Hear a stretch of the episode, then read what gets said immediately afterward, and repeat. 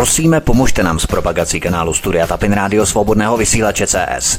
Pokud se vám tento nebo jiné pořady na tomto kanále líbí, klikněte na vaší obrazovce na tlačítko s nápisem Sdílet a vyberte sociální síť, na kterou pořád sdílíte. Jde o pouhých pár desítek sekund vašeho času. Děkujeme. Tak vítám všechny, kteří jste právě zasedli, pustili si naslouchačky a očekáváte, že budete dlouho čekat na vedoucího kolotoče s Vítkem. Já mám pro vás drtivou zprávu, drtivý a zdrcující a drtivou v tom, že chlapi už jsou připojeni a já jim brzy předám slovo. Takže VK, eh, zdravím tě, vítám tě a Vítku tebe taky a pánové, je to vaše ahoj. Ahoj Petře, zdravím tě, zdravím i všechny naše posluchače svobodného vysílače, přeju vám krásný páteční večer, samozřejmě i čtenářům Aeronetu, vítám vás tu všechny. Eh, pokud eh, jste třeba ještě v tom procesu, že si třeba děláte kávu anebo čaj, protože jste počítali s tím, že se ozeme třeba nej, nejdříve ve 30 nebo 25, 30, tak vás musíme zklamat, možná ale zároveň potěšit, tak si nás třeba zesilte a v pohodě ještě než usednete pohodlně do vašeho křesla, tak uh, jsme tady prostě dříve, doufejme, že třeba příště to zvládneme také tak. Takže máme dnes opravdu hodně co probírat. Doufám, že to všechno stihneme hravě zvládnout. Takže zdravím vás všechny a zdravím hlavně tebe, Vek. Ahoj. No, ahoj Vítku, ahoj Petře, oba vás zdravím. Dneska začínáme opravdu na čas, výjimečně. Já doufám, že to bude pravidlem, no ale nic neslibuju samozřejmě. Tak eh, zkusíme dneska teda probrat eh, maximum toho, tady co se odehrálo za uplynulý týden a já vás všechny zdravím a vítám u našeho poslechu, takže pěkný večer přeju. My asi pravděpodobně dáme kolem 8 hodiny pauzu, protože my jsme většinou začínali tedy po půl a zvládli jsme to za 90 minut vlastně v celku a teď, když vlastně jedeme včas, takže dáme eh, dvě písničky třeba jako eh, určitý předěl v rámci 8 hodiny, jako jsme to dělali dříve. A tu první hodinu budeme věnovat domácím tématům a druhou hodinu zahraničním tématům. Takže pojď, posme se do toho. Režim přitvrzuje proti českým občanům a svobodě slova. Za dvě věty vysloveného svobodného názoru dostal muž 6 let kriminálu, zatímco vrah, který strčil muže pod soupravu metra, dostal jenom tři a půl roku. Právník doporučuje prvnímu muži požádat okamžitě o politický azyl v důsledku práce českých soudů, pošlapávajících svobodu slova chartu OSN. Vnitro tím prý chce vyslat zastrašující signál před podzimními volbami, aby lidé měli strach z vyjadřování na sociálních sítích. Právník provedl rozbor obou věd a dospěl k šokujícímu závěru, který může být podnětem i pro soud v Hágu. Já bych k tomu přihodil ještě případ Libíce, který znásilnil 16-letou dívku a dostal také jenom tři a půl roku za znásilnění, zatímco člověk, který napsal pár vět na kyberprostoru ohledně Nového Zélandu, tak dostal šest let na tvrdo. Teď eh, ještě ve středu 17. března byla souzená Nela Lisková, měla první soudní stání ohledně její případ, jejího případu, kdy pirátka Olga Richterová žaluje za sdílený článek, jehož není autorkou a který sdílelo dalších 22 tisíc lidí minimálně, tak zrovna jí si vybrali k tomu, aby eh, ji vydírali o pět kolik? 550 tisíc korun. 550 půl milionů za to, že sdílela článek. Neskutečné. To vlastně jde i o nás, protože každý se potom bude bát cokoliv sdílet, aby se to náhodou neukázalo jako dezinformace, co politik neprohlásili, když ten narrativ, eh, který z toho, eh, který o tom probíhal, tak vlastně byl schodný s tím, co Piráti hlásají ohledně podpory migrace, sympatizace s antifou a tak dále. Takže eh, je velmi těžké mnohdy odhadnout, jestli opravdu ten politik prohlásil nebo ne. Oni chtějí docílit vlastně toho, abychom měli strach jakkoliv kritizovat politiky. Mají eh, VK čeští občané stále více důvodu nejenom pohrdat, ale dokonce nenávidět skorumpovanou českou justici. Eh, no, ono je to v podstatě důsledek eh, těch procesů, které probíhaly vlastně posledních 30 let, to znamená, jsou to ty dlouhodobé procesy změny, transformace celé společnosti, výchova nových eh, kádrů, nebo ani ne tak kádrů, jako nových generací. Ehm, je proces simplifikace, zjednodušování ve školství, snaha o inkluzi, o snižování latěk vzdělanosti. Možná jste zjistili, zjistili, že v rámci takzvané babišizace, to znamená, mm, eh, to jsem vysvětoval minule, proces babišizace jako eh, forma realpolitik de facto vede k tomu, že Babiš teď tlačí na to, aby de facto maturity se rozdávaly způsobem jakoby pouze zápočtu a zápisem, aby se nedělaly maturitní zkoušky, aby se tedy snížila ta nároková laťka takovým způsobem, aby eh, Andrej Babiš získal na podzim podporu mladých lidí a voličů. Samozřejmě, že tohleto pokud se prosadí, tak získá voliče, mm, mladé voliče, kteří zrovna budou maturovat a jakoby prvovoliči, to znamená... To přetáhne od Pirátů možná. ano, ano, je to samozřejmě ze strany Andreje Babiše, je to samozřejmě účelovka, je naprosto účelově vlastně takhle udělané, ale de facto ten důsledek je stejný, nebo Eh, to znamená, ta situace je nastavená takovým způsobem, že občané de facto eh, si zvykají eh, na život v koncentráku. Postupně. A to je myšlení lidí. Já jsem napsal, jak říkám, nemám na to čas, ale Eh, napsal jsem do komentáře eh, takový krátký, krátký vstup, určitě jste zaregistrovali pod eh, včerejším článkem, kde jsem vlastně vysvětloval proces takzvaného de facto někdo tomu říká stokholmský syndrom, i když je to určitý proces jakoby mentální poruchy, kdy lidé kteří se stanou obětmi únosu nebo stanou se rukojmími, eh, tak někteří z nich, eh, někteří lidé, ne všichni, ale někteří, eh, začnou se chovat zvláštním způsobem, že přejmou a přijmou od teroristů jejich světonázor, jejich kauzu, just cause, to znamená jejich boj z jejich pohledu očí za spravedlivou, spravedlivou věc, jejich oprávněnou spravedlivou věc, just cause. A e, ten proces e, de facto je teď viditelný na lidech, některých lidech, e, kteří se vlastně etablují ze skupiny tzv. svědků covidových, většinou umělci, herci, tyto skupiny lidí, kteří de facto jsou ochotní položit život za vakcíny dokonce jsou ochotní zemřít za vakcíny. Je to projev de facto určitého kreténismu, eh, protože snížení inteligence bylo vlastně detekováno u těchto obětí, u kterých se projeví tzv. stokholmský syndrom. Dochází u nich eh, k dočasnému snížení inteligence až o 40%. Takže nějaký člověk, který má někde IQ okolo 100, stovky v průměru, tak najednou během tohoto stavu mu klesá IQ někam k 60, to znamená na úroveň, eh, nějakou úroveň zhruba té příčky onoho kreténismu. A eh, je to vlastně indukovaný proces. To je zajímavé. Není to vrozený proces geneticky, že by se člověk narodil postižený, ale je to indukovaný proces. To znamená, lze se stát kreténem, to znamená člověkem s dočasně sníženou inteligencí, jenom díky procesu velice brutálního řízení. Ať už je to terorismus, jakožto lokální mikrořízení v nějakém prostoru, v nějaké budově, že teroristé obsadí budovu, to je proces mikrořízení, a nebo je to globální proces, hysterie vybudovaná okolo vakcinace. V obou případech se začíná rozvíjet stokholmský syndrom. A vidíte to nejenom u politiků, vidíte to e, nejenom u herců, nejenom u umělců, ale i u členů jednotlivých rodin, kde dochází k rozpolům, e, k rozštěpení názorů uvnitř rodin. Někdo říká, musíme se očkovat a někdo v rodině je zase proti tomu, ostře proti tomu. Znamená, eh, vznikají spory, vznikají uvnitř rodin eh, mohutné konflikty. A eh, jak, kde se to bere, že rozumní lidé začnou přebírat mediální narrativ. To znamená, oni sednou k té televizi, oni pustí tu televizi a teď tam do nich cpou po dobu jednoho roku každý den, den co den, uh, informace o jedné a jiné věci. Co se s těma lidma stane po jednom roce? Je to jasné, co se s nimi stane. Mají vymité mozky. Ten proces je známý pod názvem brainwashing. Vymývání mozku.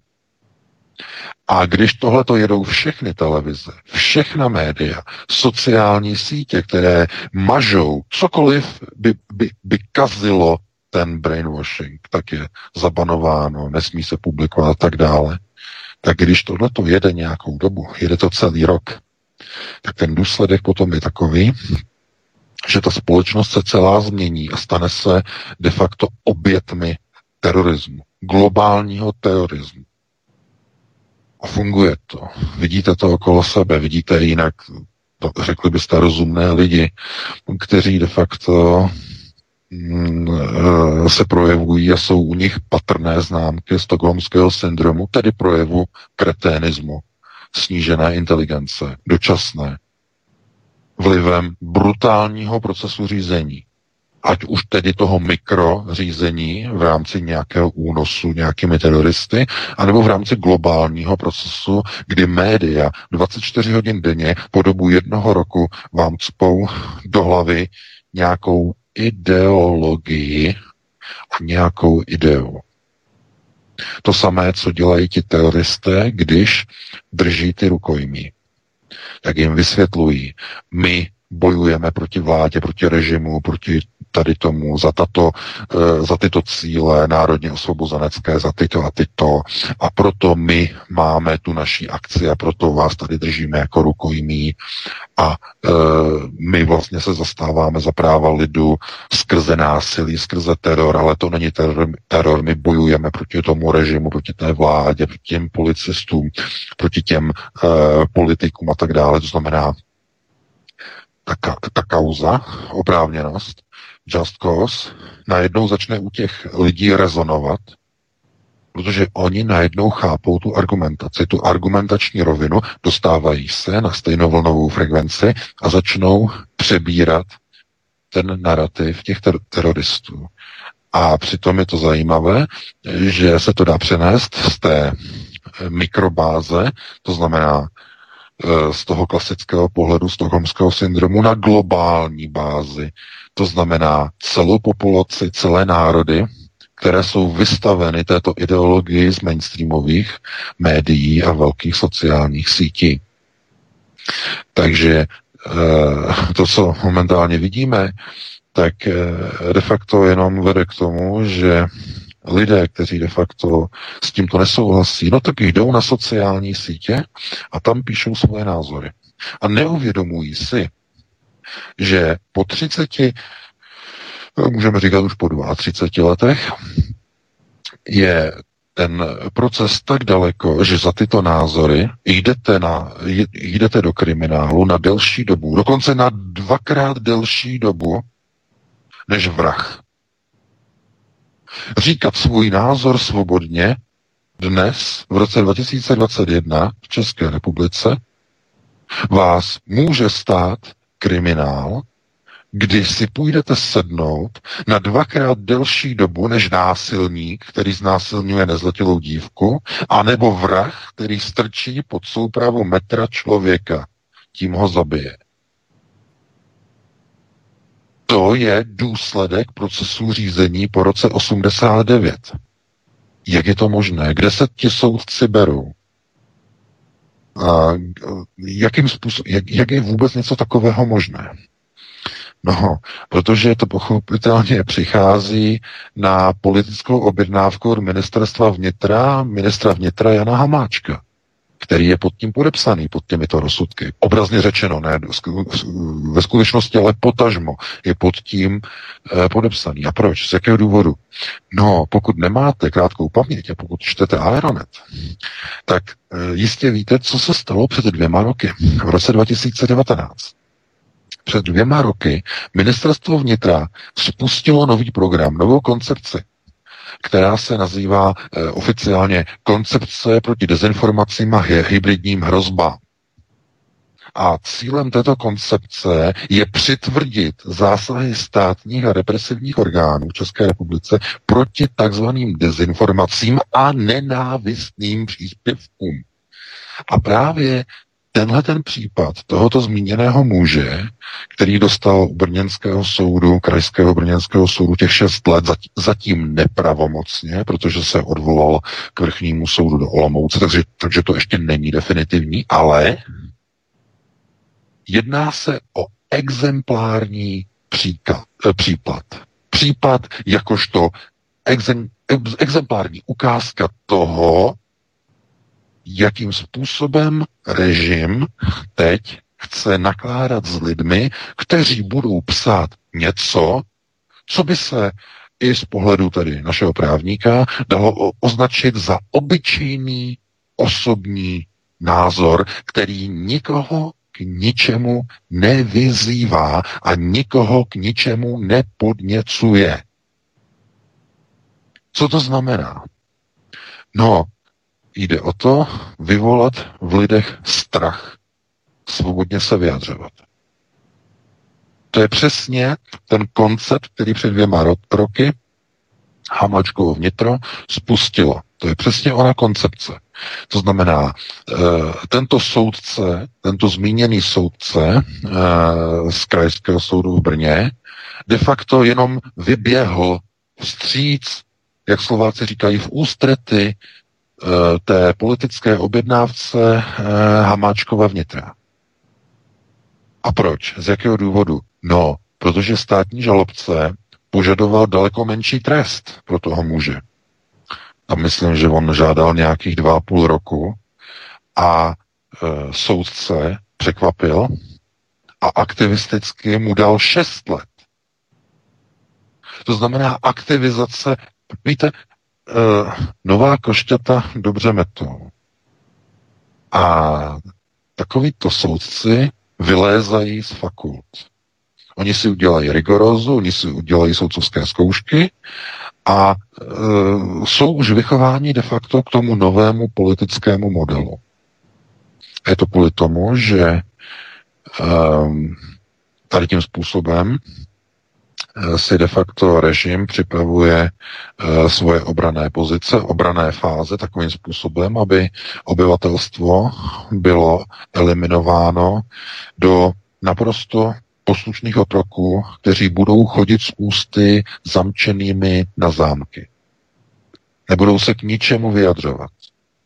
Protože si budou říkat, já něco napíšu, dvě krátké věty holé a dostanu za to šest let. A někdo by řekl, přece něco takového se nemůže odehrávat v demokratické společnosti. A já s tím souhlasím, to by se nemělo odehrávat. Ale přesto se to děje. A proč? Pozor, po v Rusku letech. by to byla diktatura, v Rusku by to nešlo, ale... Ano, v Rusku by to samozřejmě nešlo, ale je to kvůli tomu, že v České republice je na nákupní frontě klid. Stejně jako zo protektorátu Čechy a Morava, stejně jako po roce 48, stejně jako po roce 68. Na nákupní frontě klid. Je-li nákupní košík českého občana vrchovatě naložen, může být u moci e, na hradě e, Hitler, v podhradí Himmler a někde tam v té maštali může být Džeržinský a eh, někde tam eh, u těch, u těch vojáků, kteří tam střílí prostě do těch občanů, tam může být Heidrich a další. To znamená, těm občanům je to úplně úplně jedno, úplně šumafuk. Důležitá, důležitá je pozice a situace na nákupní frontě. Pokud na nákupní frontě je klid, tak český občan de facto Eh, je připravený a připraven kolaborovat s jakýmkoliv tyranem a nepřítelem. S jakýmkoliv si dokážete představit. I s tou největší sviní, eh, které není rovno. Je český občan ochotný spolupracovat, kolaborovat, pomáhat jí, donášet na vlastní rodinné příslušníky, je-li za to zaplaceno, jako ta největší bestie. A teď by někdo řekl, kde se to v tom českém národě bere? Kde se to vzalo?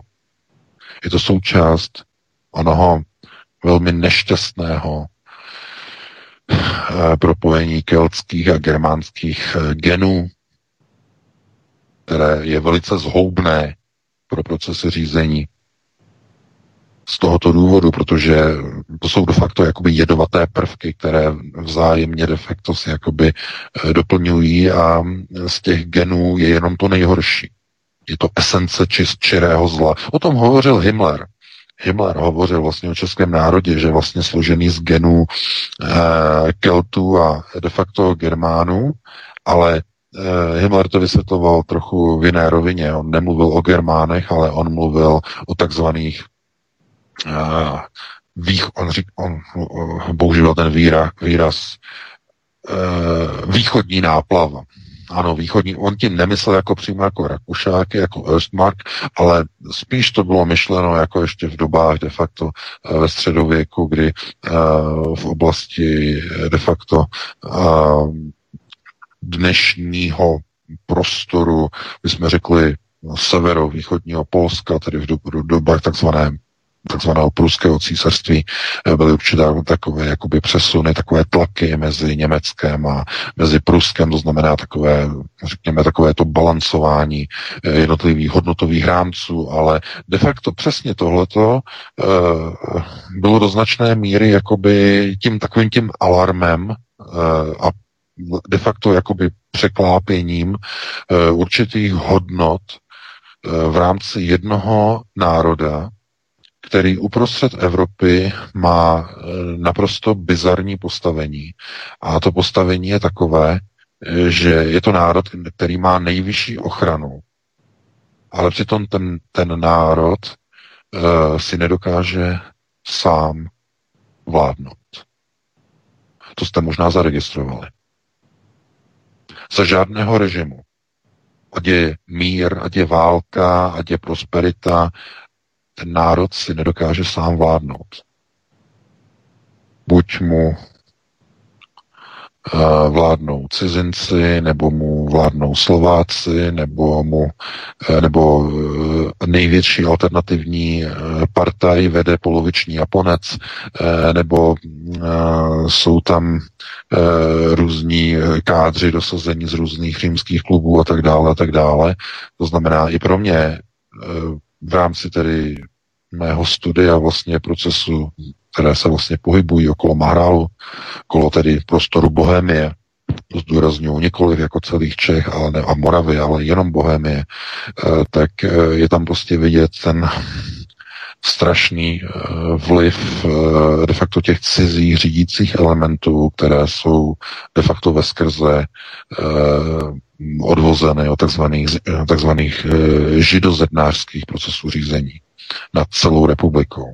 Ale bez nich by vůbec neexistovalo žádné vládní a systémové ukotvení nad českými zeměmi. By vůbec nikdy neexistovalo. Kdyby nad českými zeměmi nevládli židé, tak by si Češi vůbec nedokázali vládnout. To je strašné zjištění. To je děsivé zjištění. To je něco neuvěřitelného.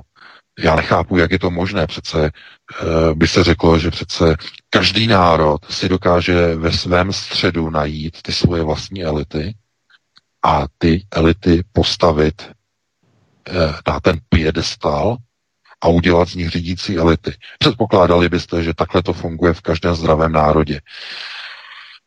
Uh, koho si dal do čela český národ v posledních volbách? Trestně stíhaného premiéra a údajně tedy spolupracovníka STB, i když já tam nechávám velký otazník, že jo, ale a, a co dalšího? To je ta elita toho národa? Nebo jak je to myšleno v tom národě? To znamená, a dobře, a můžeme přejít už do roku 2021 do podzimních voleb. E, to, to, to národa jsou šmašky, si podporovat alternativy a chatátu. To, to jako si někdo myslí vážně? A vy si myslíte, že ty uh, volební průzkumy, uh, že jakože jsou úplně cinknuté? No ano, ten uh, průzkum od Kantaru samozřejmě je prefabrikátem. Piráti a stan nemají 34%, to je naprostý nesmysl, to je vyfabulované, to je, to je, to je prefabrikace, ale těch 22, 23% mít budou a můžou toho Babiše opravdu o 1-2% porazit. To opravdu můžou. A ve spojení s ODS a těma dalšíma hurápartama e, dokážou udělat v pohodě koaliční vládu úplně bez problémů. To znamená, ti piráti a ty hurá party tam okolo de, toho demobloku, to je ta elita toho národa. Jsou ti největší, nejlepší, kteří by měli řídit procesy. No a to asi ne. To si zdaleka ne.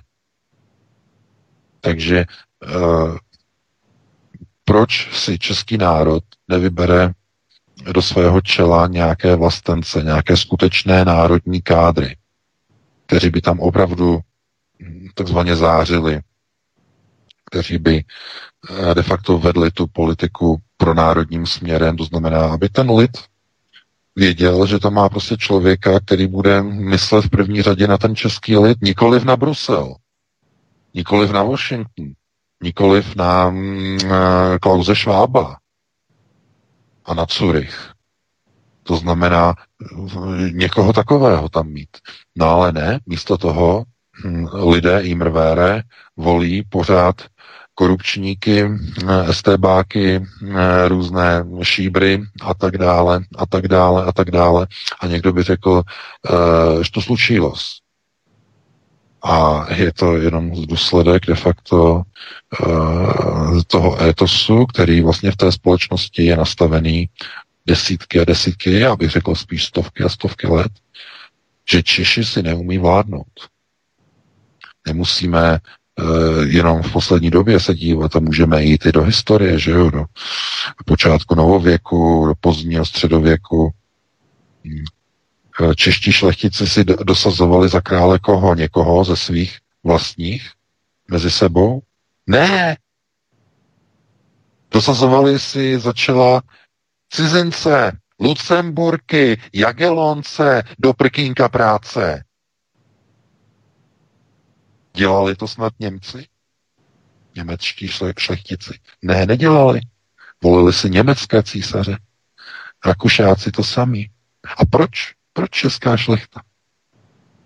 No, historici o tomto hovoří vždycky s takovým tím jakoby přesahem raději o tom nebudeme mluvit, jako říkají. Raději o tom nebudeme mluvit.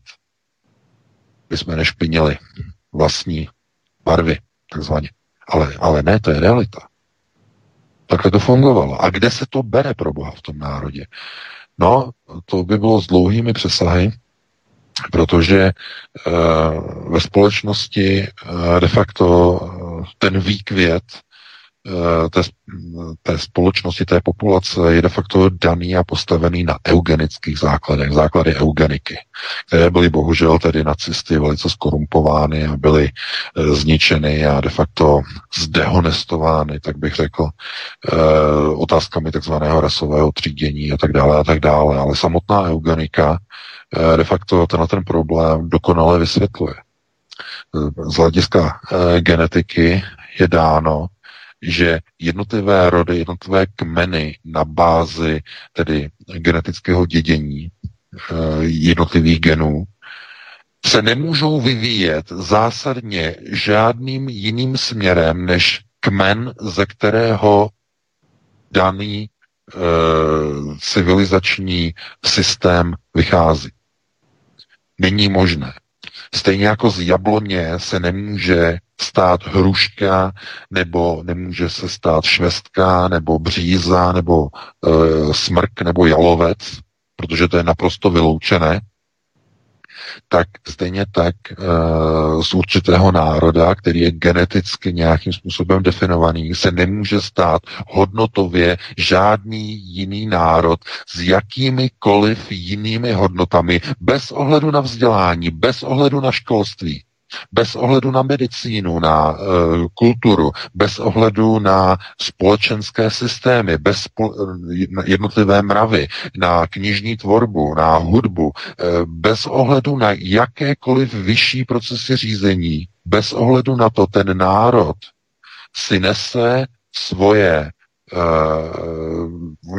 jak tedy vyvážené nebo takzvané ty vypíchnuté pozitivní kvality, tak i ty negativní, nese si je sebou napříč jednotlivými staletími a tisíciletími jako obrovskou kouli na noze, kterou se jednotlivé národy nedokážou zbavit.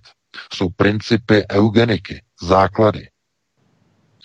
A kdo jenom se trošku otře o eugeniku, tak je mu jasné, co se děje v jednotlivých státech Evropy. Je mu jasno, proč Maďarsko je nepodvolné, proč se nepodvoluje nosatým procesům řízení z Bruselu. Ale na straně druhé podléhají procesům halachim z Izraele. Je to naprosto jasné. Eh, stejně tak eh, je eh, každému člověku jasné, proč Poláci mají takový charakter, jaký mají. Je jasné potom každému, proč na Slovensku vypuklo národní povstání, zatímco v Česku byl nákupní košík tlačen až do 5. května s německými nápisy a teprve poté byl zahozen, když už ten košík byl prázdný a když už teda jako se ukazovalo, pojďme něco dělat.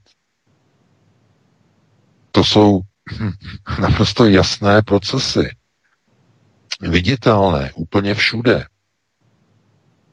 A lidé potom jakoby eh, se ptají, jako kde se co bere, kde se ukazují uh, jednotlivé jakoby cesty uh, budoucnosti, to znamená, jak zlepšovat situaci. A uh, to opravdu tyhle věci nemají řešení, protože byste museli vymazat celé obyvatelstvo, pokud byste chtěli změnit jeho eugenický základ to byste museli být největší diktátoři a největší masoví vrazy v historii, abyste e, takzvaně vyhladili celý národ a začali úplně od nuly. Taky byli takový blázni, kteří to chtěli takhle řešit. Jistý Pol Pot no, v Kambodži.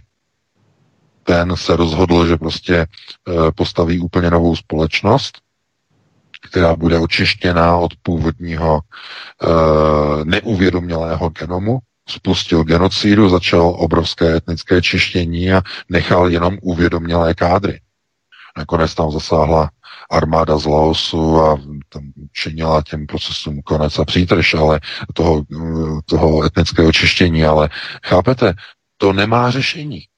To nemá řešení, protože na dlouhodobých procesech řízení dochází ke změnám na genetickém základu. Do toho genu se dlouhodobé procesy řízení kopírují. Je to stejné, jako když e, dáte e, nějaký papír s nějakým nápisem, třeba nevstupovat, nebo e, rozpis otvírací hodin a dáte na dveře obchodu, kam prostě každý den svítí slunce. Že jo?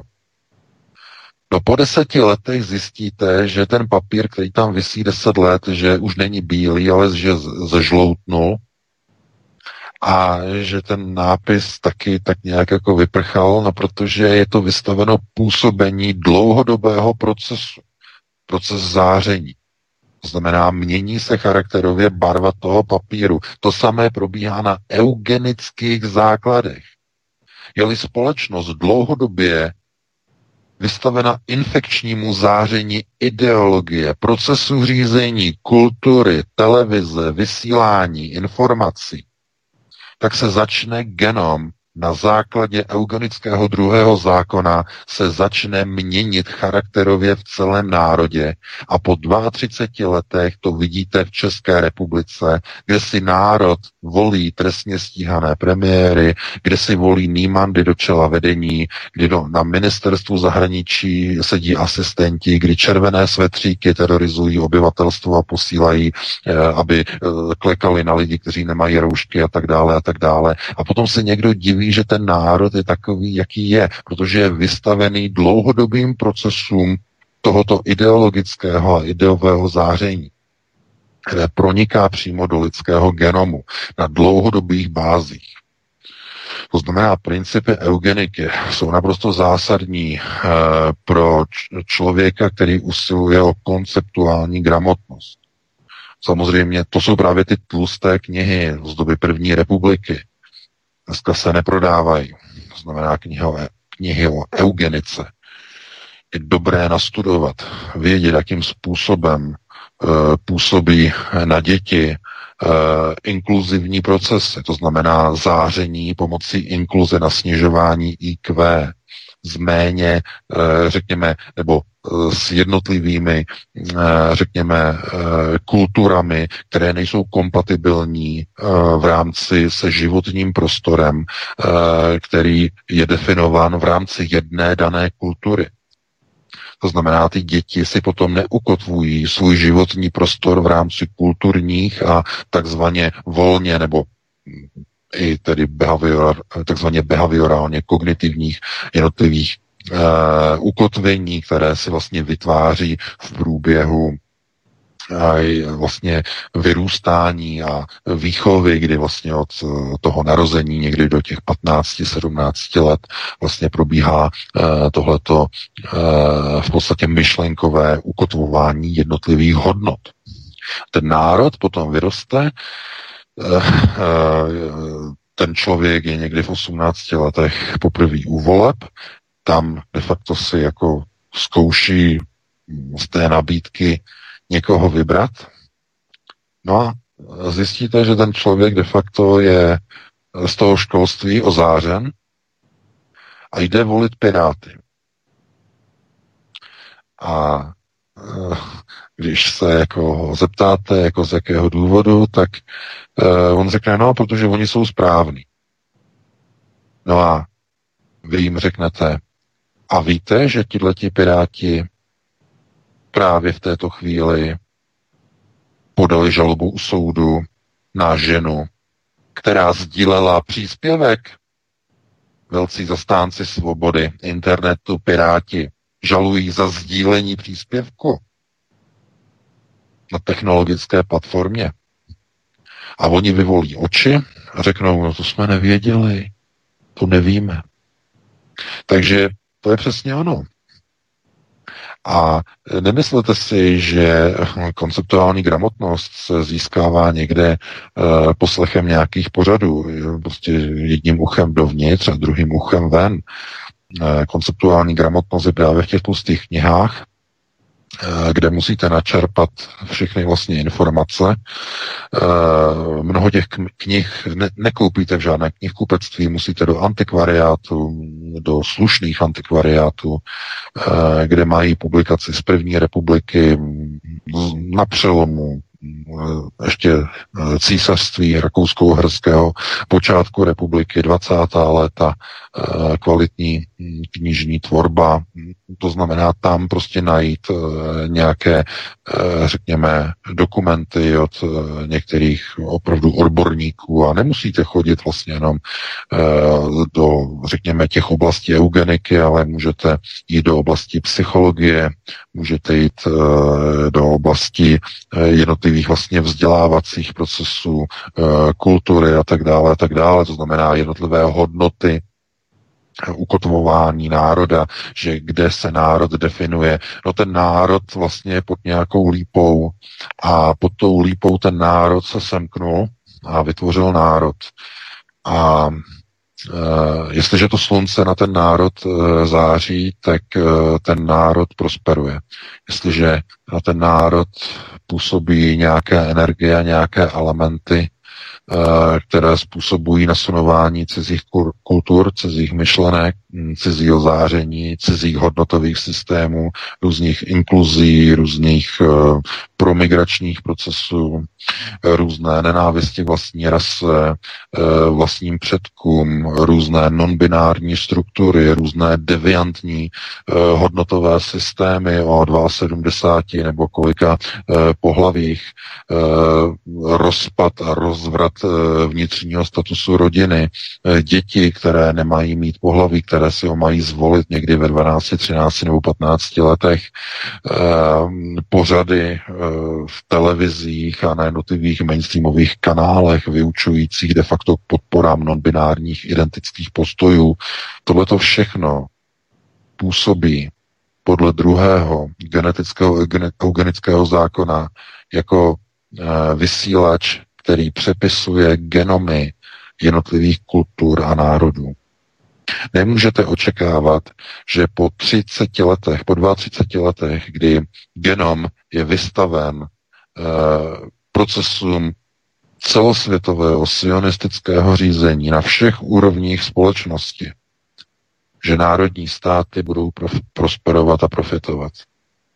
To se snad nikdo nemůže myslet. E, proto, e, když se ptáte, kde se to bere, kde se najednou berou e, po 32 letech ty postoje, že vrah dostane o polovičku menší trest než člověk, který řekl svůj svobodný názor ve dvou větách holých, tak právě na to máte tímto odpověď.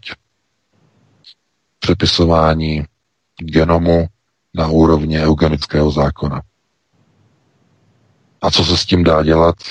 Bránit se působení tohoto záření, tohoto vyzařování, informačního, nikoliv energetického, ale informačního záření odprostit se od televizního vysílání, odprostit se od mainstreamových informačních toků a panelů, eh, zrušit všechny streamovací nadnárodní platformy, mm, vrátit se k původní české tradiční filmové tvorbě, mm, knižní tvorbě a tak dále. Odpojit se od těchto informačních toků, které působí na přepisování celonárodního genomu na eugenické bázi.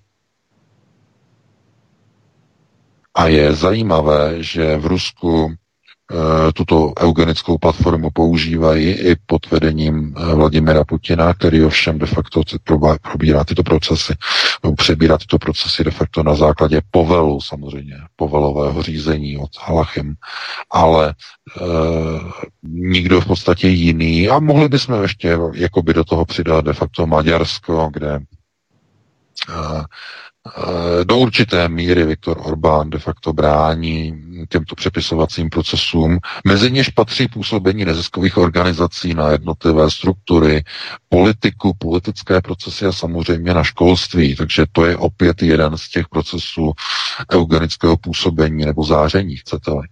A eh, tam je tedy tomu bráněno v, to, v tom Maďarsku, ale eh, obecně se nedá příliš uh, hovořit o tom, že v ostatních zemích uh, by byly vystaveny takové obrané procesy, aby ten národ se neměnil.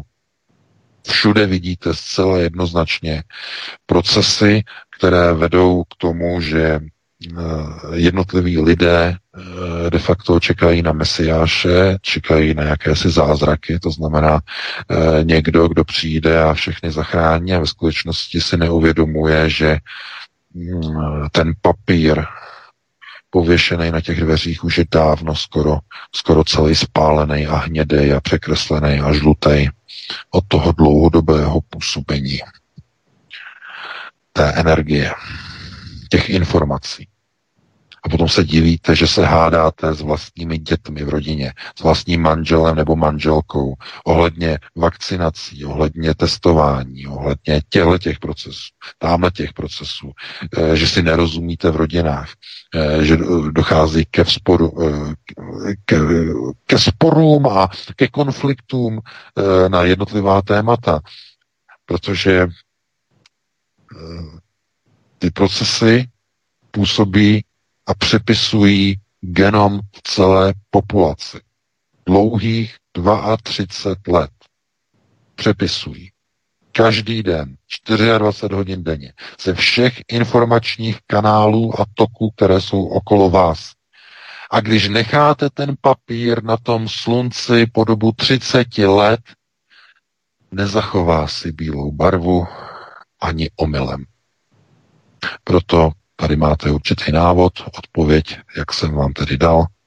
Odpoutat se od informačních toků, od zdrojů a kanálů, které přepisují národní identitu, národní genom.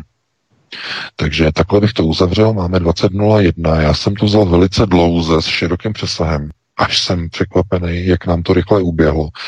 E, takže si dáme krátkou přestávku, Vítku, nějaké 6-7 minut a pustíme se do dalšího tématu, vezmeme ještě další témata potom. Dobře, vezmeme teda ještě VK to domácí téma, které tady máme, protože máme tady ještě tu ženu, která tekla z té sanitky, to je velmi zásadní kauza, velmi důležité, takže to probereme. Byť jsme na začátku avizovali, že druhá hodina bude věnovaná zahraničním tématům, ale tohle je fakt velmi důležité. A potom samozřejmě vezmeme i ta zahraniční témata, které tady, která tady máme. Takže Dáme si, Petře, písničku, posloucháte svobodný vysílač od mikrofonu vás zdraví Vítek, spolu s námi je tu eh, Petr ze studia Midgard a šéf-redaktor z pravodajského alternativního serveru Ironet.cz, pan VK, který je naším hlavním hostem. Hezký večer. Prosíme, pomožte nám s propagací kanálu Studia Tapin Rádio Svobodného vysílače CS. Pokud se vám tento nebo jiné pořady na tomto kanále líbí, klikněte na vaší obrazovce na tlačítko s nápisem Sdílet a vyberte sociální síť, na kterou pořád sdílíte. Jde o pouhých pár desítek sekund vašeho času. Děkujeme. No, tak jsme si zahráli. Jak jsme na tom Vítku a vedoucí kolotoče? Jste tu? Tak já nevím, Petře, jestli jsi na mě mluvil nebo nemluvil, o se omlouvám, jsem tam ještě telefon. Už jsme ve vysílání, jsme asi, že? Ve vysílání právě jsem sondoval, zdali už jste na příjmu. Tak na jsem akorát, že jsem měl telefon, se omlouvám se pokusil ukončit. Uh, jsem tady v pohodě, vždy připraven, nevím, jestli tady VK ještě. VK jsem slyšel. Takže já jenom připomenu, já že... Tady, posl... Já tady jsem, já tady jsem. Jo, při... super. Tak, připomenu, že posloucháte páteční program, jak už se zvyklí, s vedoucím kolotoče a svítkem u Klábosnice a vrháme se do té prostřední části a potom v té poslední budou telefonáty. Takže zatím nevolejte, až potom zveřejníme číslo. Tak pánové, je to vaše.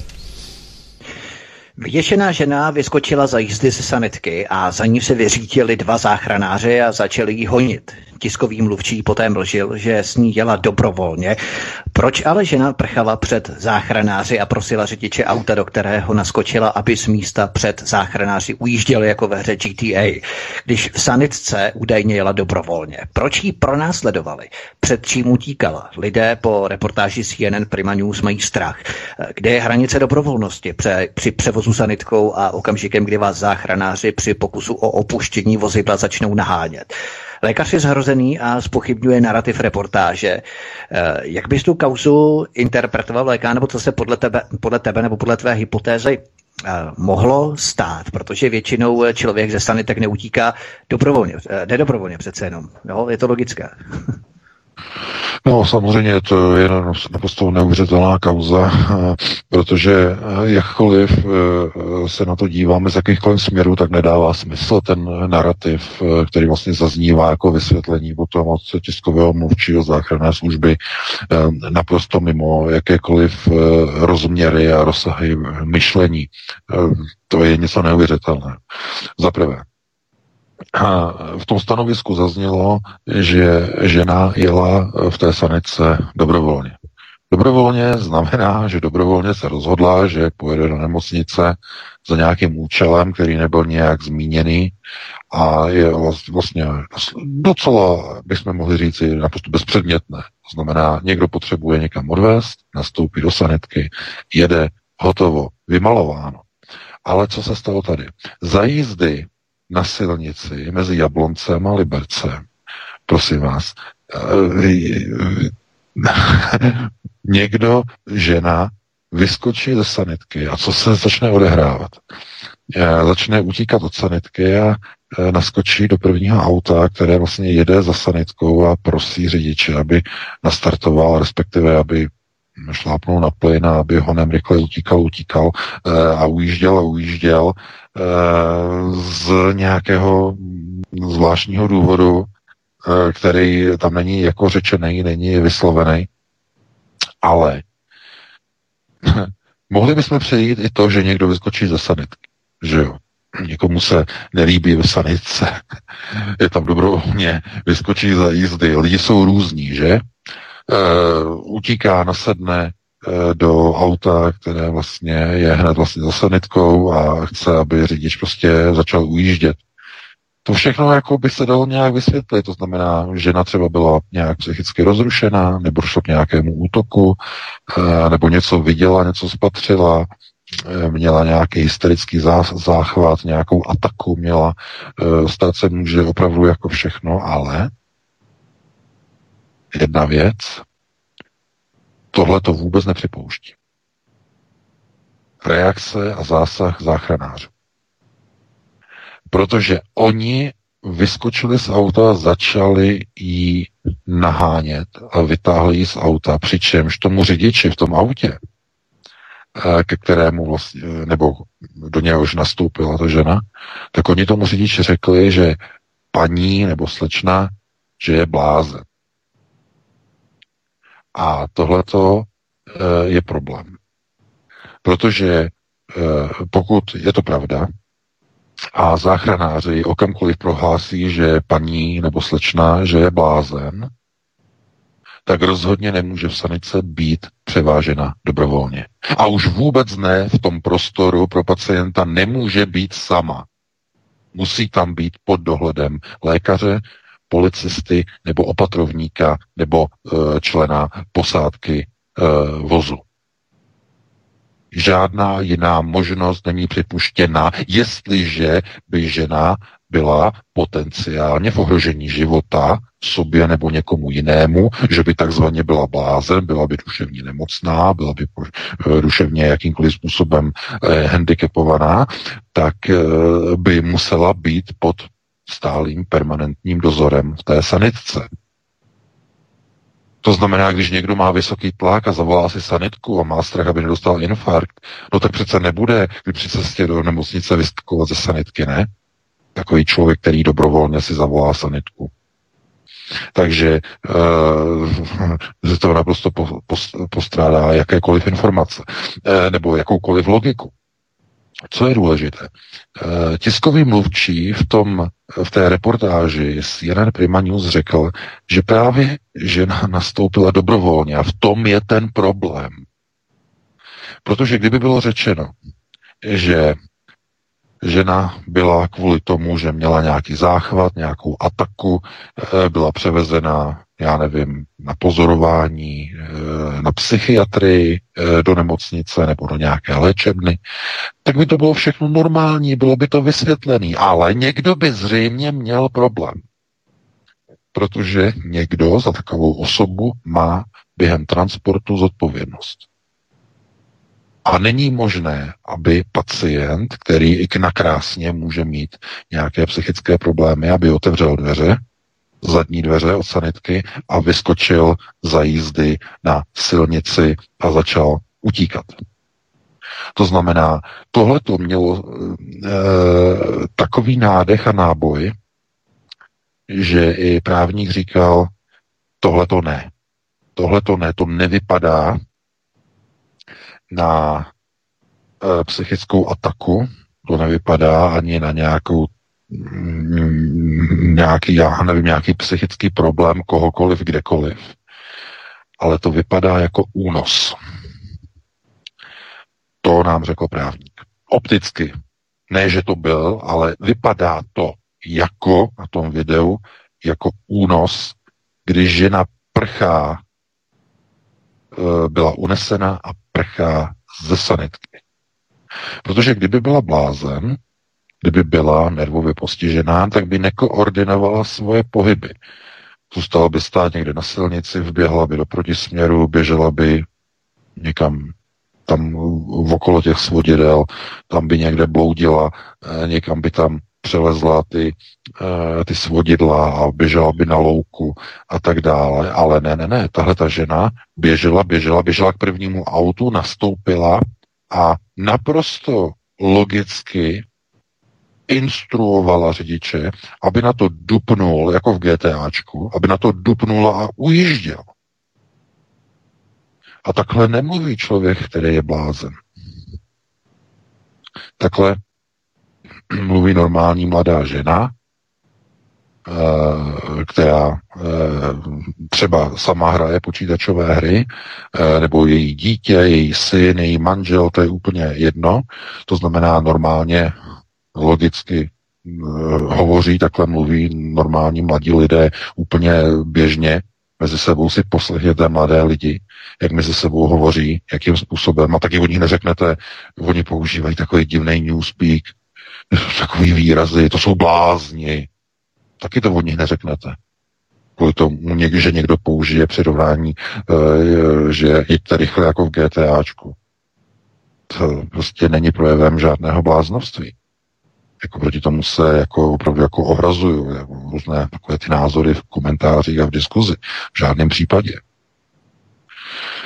Bylo by to podezřelé třeba u 90-letého důchodce, který by, že jo, zahodil berle, vyskočil by ze sanitky a začal by prchat a se stylem kung fu eh, by naskočil eh, do nejbližšího auta a začal by tam prostě používat nějaký cyberpunk uh, newspeak a, a to by bylo jako divné, to by bylo velice podezřelé, to by bylo takové obrovské chucpe, které by se ani nevešlo za čelní sklo toho auta. Ale tohleto nemělo ty parametry uh, toho, abychom mohli vlastně říct, že to byl nějaký člověk, který byl nepříčetný, protože kdyby byl, musel by mít nějakou, do, nějakou kontrolu, musel by mít nějaký dozor v té sanice. Tohleto je opravdu něco neuvěřitelného, je to nebezpečné a eh, v době covidové krize eh, přicházejí strašné informace, strašné zprávy. Já jenom odbočím, prosím vás. Dneska jsme dostali do eh, redakce e-mail, strašný e-mail, strašlivý e-mail. Já nevím, já tady nebudu jmenovat eh, to jméno. Nevíme, jestli je to provokace, ale nevypadá to na provokaci. Je to, eh, vypadá to jakoby realisticky, velice realisticky. muž nám napsal e, s tím, že teda to rozeslali ostatním redakcím alternativních médií v České republice, e, ale nejsou tam žádné kopie, ani Black Carbon e, kopie BCC, jenom jako nám do redakce to adresovaný, ale v tom textu je uvedeno, že to je rozesláno do více redakcí v České republice. A tento muž tam oznamuje veřejně Eh, že končí se životem a eh, že vzhledem k situaci v České republice eh, spáchá sebevraždu. To, to je opravdu v téhle situaci, v téhle době covidové hysterie, já bych chtěl vyzvat toho pána, pokud to ještě neudělal, aby si na život nesahal, nemá to smysl, všechny problémy se dají nějakým způsobem řešit. Krize nikdy není tak uh, hrozná, aby se nedala nějakým způsobem uh, pojmout, obsáhnout a zmanažovat. Nedělejte žádné hlouposti. Uh, život je cesta, život je úděl a projekce, která má svůj význam, svůj smysl a to nejhorší, nebo no nejhorší, jak se to vezme? Eh, to nejzajímavější na tom je, že každou tuto projekci jsme si zvolili sami před zahájením eh, takzvaného, no před takzvaným zahájením, před inicializací projekce. Před narozením jsme si zvolili scénář projekce. Čím těžší a obtížnější život projekce, tím mm, kratší cesta, řekněme, k určitým vyšším levelům. To je velice do, zase, zase s přesahem do určitých mysteriózních principů a e, zá, základů, ale e, opravdu e, v dnešní době covidové hysterie, e, a to čtete určitě všude, ve všech médiích, ve Spojených státech, paní Karolína z Floridy, já ji zdravím samozřejmě, tak e, určitě e, i vlastně v té Americe e, jsou takové de facto situace, že tam je obrovský nárůst sebevražd, samozřejmě, to je i v České republice, to je i tady v Německu. Eh, covidová krize dopadá na jednotlivé lidi. Víte, že minulý pátek spáchal sebevraždu muž eh, před eh, budovou ministerstva zdravotnictví. Ministerstvo se snaží tu kauzu ututlat za každou cenu. Lidé tam nosí květiny, nosí tam svíčky a policajti to dávají pryč. Já vyzývám aby policie nebo ti strážníci, teď mě neberte za slovo, jo? já jsem to neviděl, to pouze informace máme do redakce, ale vyzývám, aby neodstraňovali, aby to tam nechali na památku obětí covidového teroru v České republice. Tak tam běžte, natočte to video, položte to tam a sledujte, jestli to někdo odstraňuje, jestli to je pravda nebo není že tam někdo odstraňuje ty květiny, ty svíčky a tady ty věci, ty lampičky. E, prostě to, to se nedělá. To tam má prostě zůstat. A my máme ty informace, bohužel se nám ještě nepodařilo ověřit, jestli to opravdu tak je, jak tedy jsme dostali minulý týden. Podle těch informací tedy se mělo jednat o podnikatele, který v důsledku krize e, přišel o podnikání a rozešel se, respektive byl vyhozen od e, rodina se, takhle to řeknu, ro, rodina se rozpadla. Rodina se rozpadla v důsledku ekonomického zhroucení podnikatelských aktivit pána. A on si vzal kvůli tomu život. Kvůli těm lockdownům. A oni se to snaží ututlat ministerstvo. Blatný by měl odstoupit, rezignovat, být odvolán. Má krev na rukách. A když už ani to neudělá, tak by tam měli nechat ty svíčky, měli by tam nechat ty květiny a udělat z toho pětní místo e, na památku obětí. Všech obětí. Toho poutní místo všech obětí covidového a lockdownového teroru v České republice. Mohlo by se to natočit, mohla by tam být nějak, nějaká kamera, nějaký štáb, který by to streamoval 24 hodin denně. Pokud by se toho někdo ujal, mohlo by se to medializovat, samozřejmě, pokud by byl zájem. Ale e, já se tudíž obávám, že tyhle ty věci, to dřív nebylo, že by nám někdo posílal nějaké rozlučkové e-maily o sebevraždách, to, je něco neuvěřitelného, že by e, ženy vyskakovaly ze sanitek, které jedou někde na silnici. To je, to, to, to, takže nemůžeme dneska vylučovat naprosto žádnou variantu. Takže na opravdu mohla mít pocit, že je unášena a vyskočila a prosila o pomoc. Samozřejmě, že mm, to je jenom spekulace, je to domněnka. Člověk si řekne logicky, nějakým záchranářům je úplně jedno, koho vezou, ti to mají jako práci. Sice kdo by koho unášel v České republice, vždy to je úplný nesmysl. Ano, já bych taky řekl, že to je nesmysl, ale Uh, nesmysl je vysvětlení tiskového mluvčího, který řekne, že žena jela dobrovolně.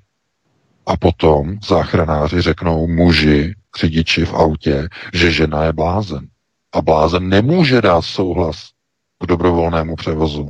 Za něho, za blázna, odpovídá zodpovědná osoba, op- opatrovník. To znamená, jak může dát blázen? Vy jste viděli nějakého blázna, který eh, dává svobodný souhlas se svým převozem? Co je to za chucpe? To si dělá někdo kozy z logického uvažování lidí? Jste viděli někoho takového? Člověk nějaké uh, péči psychiatrického zařízení, že někde uh, má nějaký problém, že jo, tak uh, ho někde zbalí a uh, oni ho povezou dobrovolně. Takže opravdu jako to jsou prostě věci, které uh, nedávají smysl, uh, opravdu jako vyděsí při pohledu opravdu vyděsí.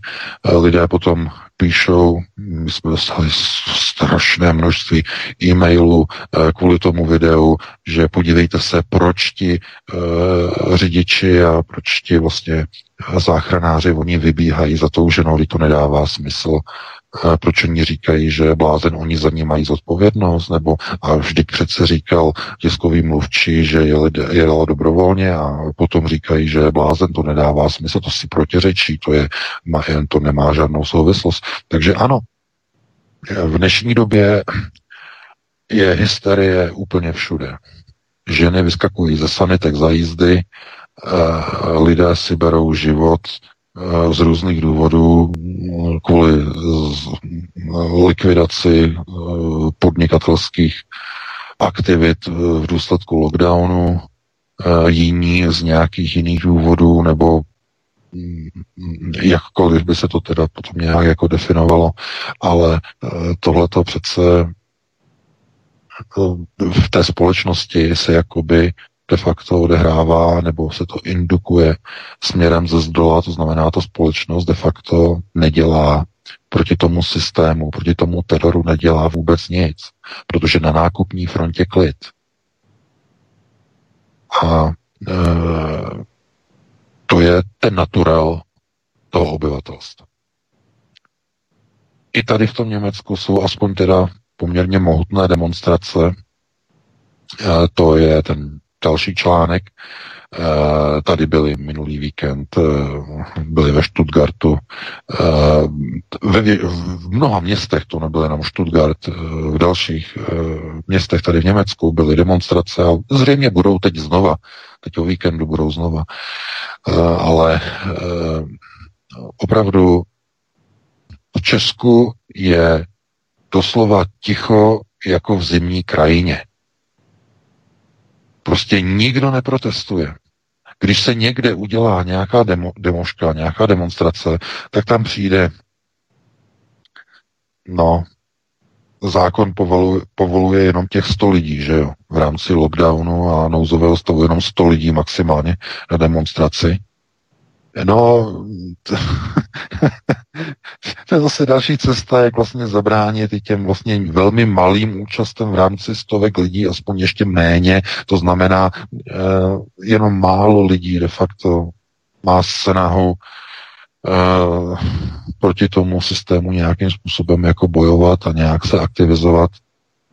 Eh, a když někdo se aktivizuje jako eh, řekněme, na názorové platformě někde na Facebooku, tak ještě riskuje, že ho zavřou na 6 let, protože napíše něco, co se někomu nebude líbit. A, e, nebo stejně, ani nemusí napsat, dámy a pánové. Ne, ne, ne, nemusí ani napsat. Stačí, že klikne na tlačítko sdílet, share, a může se dostat před soud stejně jako Nela Listová a být žalován o 550 tisíc korun za to, že klikla na tlačítko sdílet a sdílela cizí příspěvek na svém profilu. Takový chucpe, ale v Česku je to možné, protože Česko snese všecko. A jak je to možné, že snese všecko? No, protože občané mají naléhátku. Přesně tak na nákupní frontě klid a po nákupu doma mají na lehátku. Tím je to dané. Proto eh, čím plnější nákupní vozíky, tím prázdnější ulice, kde se nikdo neobjevuje a nedemonstruje za svá vlastní lidská práva. Proto se nemůžete divit a potom se nedivte, až vám budou na ruku rvát náramky jako v Izraeli na sledování pohybu v covidovém lockdownu, až vám budou zase strkat dvakrát, jo dvakrát týdně už. Ano, blatný, řekl, budeme českým gojím strkat špejly do nosu. Cvajmál, cvajmál, dvakrát za týden budeme strkat. Takový chucpe. Jak si to může dovolit? To je něco neuvěřitelného. Chápete? A lidé mlčí. Vítku, ty musíš sám vědět, jestli jsou nějaké reakce. Jsou nějaké reakce? Jsou někde nějaké demonstrace? Že by podniky řekly, vyhlašujeme generální stávku, my se nebudeme na procesech babišizace e, dále podílet. Není nic lidé to nejenom, že neprotestují, lidé to dokonce podporují, kromě a pár lidí. Podporují. A dokonce žádní poslanci nepodali trestní oznámení nebo žalobu vůči tomu nařízení, že musí vstoupit do poslanecké sněmovny s, buď s potvrzením o testování, ne starší než 400 hodin, nebo testováním, nebo očkováním. A nikdo ani z poslanců nežaluje, tak co potom ti obyčejní běžní lidé? Takže nikdo to nepodporuje, respektive nikdo neprotestuje, naopak to lidé podporují. No, Tím, že mlčí. Takže, takže eh, já znovu říkám, já, v téhle krizi, v téhle krizi mnoho lidí ztratí už veškerou naději a vezmou si život. A potom nám píšou a posílají do redakce takovýhle strašný, strašný e-maily. To je opravdu e, naprosto alarmující situace. A lidé hledají, ano, samozřejmě hledají světlo na konci nějakého tunelu. Nehledejte světlo, žádný tam není. To světýlko, které tam vidíte, to je červený svetřík s baterkou. Vás láká do ještě větší temnoty. Nebo je to blatný s nějakou vábničkou.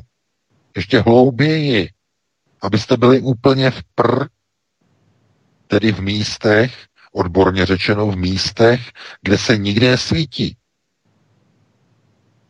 Takže hledat někde nějaké světlo nedává smysl. Tak, a půjdeme na další jako, téma. Jako, jdeme samozřejmě na další téma, ale uh, opravdu te, jako, takovéhle e-maily mě strašně prostě rozhodí. Prostě to je něco neuvěřitelného, jako jo. Lidé prostě eh, se rozhodnou, že prostě skončí život a posle, pošlou prostě e-mail. Uh, tam jsou uvedeny osobní údaje lidí, rodná čísla, uh, odkazy, že to je zadáno, rozesláno na adresy i na podatelnu policie a tady ty další záležitosti. To znamená, je to myšleno naprosto vážně něco naprosto neuvěřitelné. Já jsem z toho úplně oddělaný. To je, to je, to opravdu něco neuvěřitelného. A e, lidé prostě musí e, bojovat na své vnitřní, vidíte to? Na své vnitřní domácí frontě a nejsou schopni ubránit ani vnitřní kruh.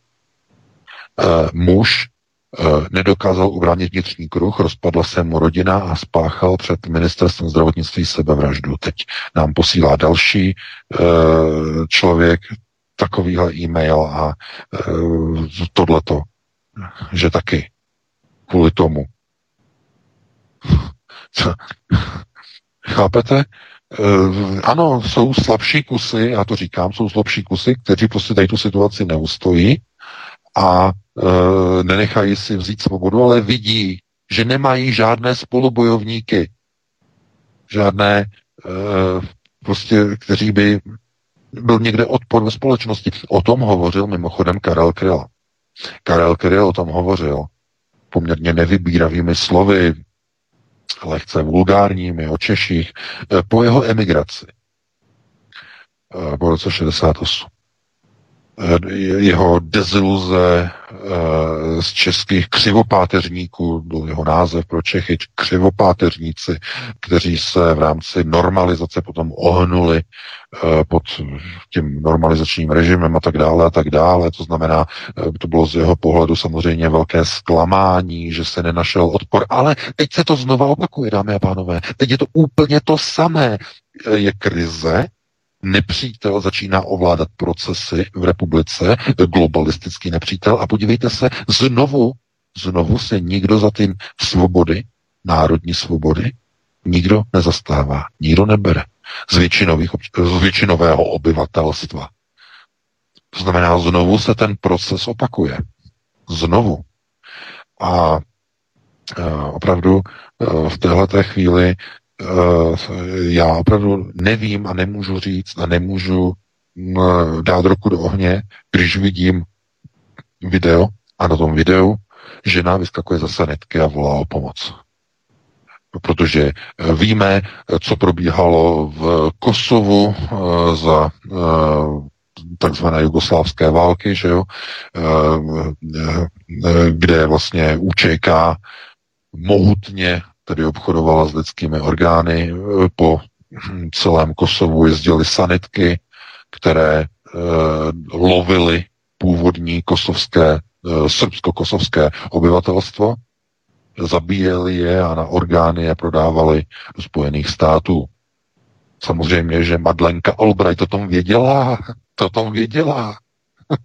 to o tom věděli. Holbrook o tom věděl taky, že emisar eh, pro eh, Jugoslávy bývalý Holbrook, to znamená, všichni o tom věděli.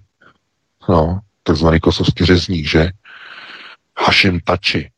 Takže když se to dělo na Balkáně, proč by se to ne, eh, nedělo v rozvojové republice, jako je Česká republika? A to není jako pomluva, nadávka. Česká republika od roku 2017 podle JP Morgan je rozvojová země.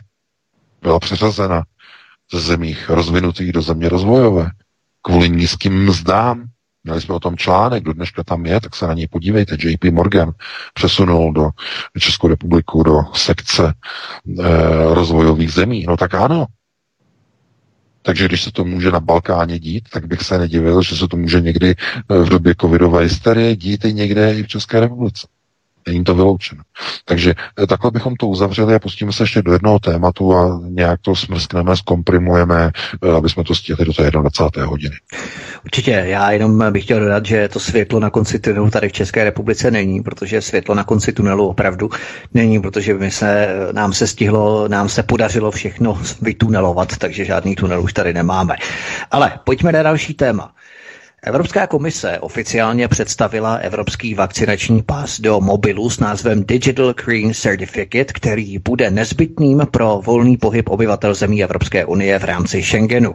Bez vakcíny, bez testu anebo bez potvrzení o prodělání nemoci nebude možné opustit stát. Tím dojde k porušení článku 13 Charty lidských práv OSN a první země na světě to už právě zavedla. Slováci nesmí poprvé v historii v rozporu s chartou OSN opustit opustit svůj stát. Izrael začne nárokovat své občany vracející se, pardon, náramkovat své občany vracející se z ciziny, budou sledování 24 hodin denně na místo karantény.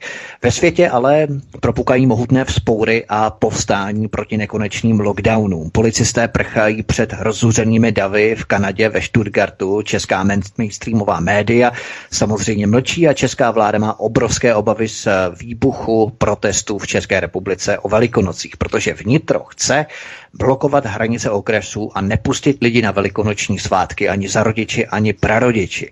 Již 13 evropských zemí zastavilo očkování vakcínou AstraZeneca, ale v Česku s ní chtějí očkovat i učitele. To prostě nevymyslíš.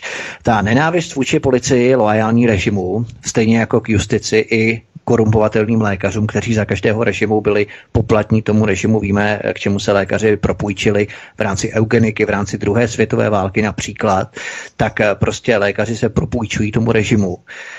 Tak ta nenávist je stále intenzivnější, není se čemu divit, nicméně, když se vrátíme k tomu vakcinačnímu pasu, tak vedle Slovenska i Řecko lobuje přes letní sezónou za ten vakcinační evropský pás, stejně jako Rakousko v čele se Sebastianem Kurcem, takže globalizace, totalita spojuje i ty země, do kterých někteří vkládali naděje. Řecku jsme všichni fandili, když se tam hrnuli uprchlíci od Erdoana, Rakousko tam vysílalo své vojáky. No a teď hned tyto dvě země stojí v čele lobistických snah o cestovní covidové pasy. Tak to je neuvěřitelné. Přesně tyto dvě země, které, do kterých mnozí vkládali naděje. Takže to je takové jaksi pošlapání toho, co možná někteří věřili. VK, co bys k tomu řekl? No, tak je to nevyhnutelná záležitost samozřejmě, protože um, oni se rozhodli, že uh, budou tedy využívat uh, covidovou krizi k nasunutí takzvaného total control, to znamená totálního ovládání společnosti. Uh, ta vakcína de facto je jenom já jsem už několikrát o tom psal a znovu to ještě zopakuju, to je v podstatě jenom jakýsi systémový mocenský vektor, který de facto má prosadit totální kontrolu nad obyvatelstvem. Nejde přímo o ty samotné vakcíny, ale to, že ty vakcíny budou mít nedostatky, budou mít určité charakterové vlastnosti, budou mít omezenou životnost a účin a vlastně funkčnost, eh, tak vlastně to povede k tomu, že vzniknou databázy obyvatelstva, mohutné databáze, které budou mezinárodně sdílené na bázi evropských vlastně systémů, to je právě ten DGC, tedy uh, Digital Green Certificate, a všichni lidé budou kontrolovatelní. A teď kontrolní otázka. Víte, že já jsem už minulý rok, už někdy v polovině roku, nebo na jaře, jsem psal článek, že uh, to bude mít několik fází. Nejprve ty covidové certifikáty budou mít papírovou podobu. Potom se přesunou elektronicky do mobilu. Ale protože mobil můžete někde zapomenout, vymluvit sem to, že jste zapomněli, jste ztratili nebo jste nechali doma mobil, tak oni řeknou, dobře, tak bude třetí fáze a to budou náramky na ruku nebo obojky e, na krk. To už nestratíte. Už to můžou být nasazovací a můžou být i neody, neodem, nebo neodjímatelné. Jako v tom Izraeli. To znamená náramky jako třetí fáze. No a čtvrtou závěrečnou fází je čipování pod kůži. No a když bude obyvatelstvo takto sledováno parametricky, eh, de facto definováno, tak k čemu tím dojde? Nebo k čemu dojde? Eh, že lidem se vrátí svobody? Ne. To není svoboda, eh, když můžete cestovat s kusem nějakého sledovacího zařízení. Ale to už je privilegium. To, že budete moci překračovat v rámci Schengenu hranice, jako kdysi, a budou vám říkat, eh, globalčiky z Bruselu, že se vám vidíte, že jste se nechali očkovat, vy máte eh, covidový pas, máte eh, zelený pas evropský, DGC a vy můžete teď volně znovu cestovat, jako jste mohli tenkrát. Jenže to není pravda. To není svobodné cestování, ale to je privilegované cestování, protože bude moci cestovat člověk, který nebude mít zelený pas, který nebude mít ani vakcínu, nebude mít ani test a nebude mít ani potvrzení o prodělání nemoci, bude on moci cestovat ze své země a překročit hranice v rámci Schengenu? Bude moci? Nebude moci. Vrátí ho zpátky. A to je důkaz toho, že svoboda byla ztracena. V okamžiku se zavedením těchto pasů. Stejně jako kdysi byly výjezdní doložky. Úplně stejně. Ano, svoboda, svoboda. Mohli jste vycestovat, mohli jste vycestovat, mohli jste vycestovat, ale museli jste splnit takovou drobnost. Získat razítko zaměstnavatele a potvrzení od státu a buď zaměstnavatel, anebo stát mohl vaši žádost zablokovat. A vy jste se nikam nedostali. A to jistě víte, že potkalo mnoho českých občanů, mnoho z vás, kteří nás možná posloucháte, tak jste měli někdy zamítnutou výjezdní doložku z nejrůznějších důvodů. Buď to bylo třeba, a mohl, nebylo to třeba z ideologických důvodů, ale z důvodů, že stát neměl devizové prostředky. Protože jistě víte, že na vycestování jste si museli peníze vyměnit, logicky vyměnit, protože tehdy československá koruna nebyla volně směnitelnou měnou. To znamená, když jste chtěli vyjíždět, museli jste nakoupit Eh, museli jste nakoupit valuty v hotovosti na přepážce eh, státní banky československé a eh, to byly, to byly prostředky, které stát získával velmi obtížnou cestou z mezinárodního obchodu.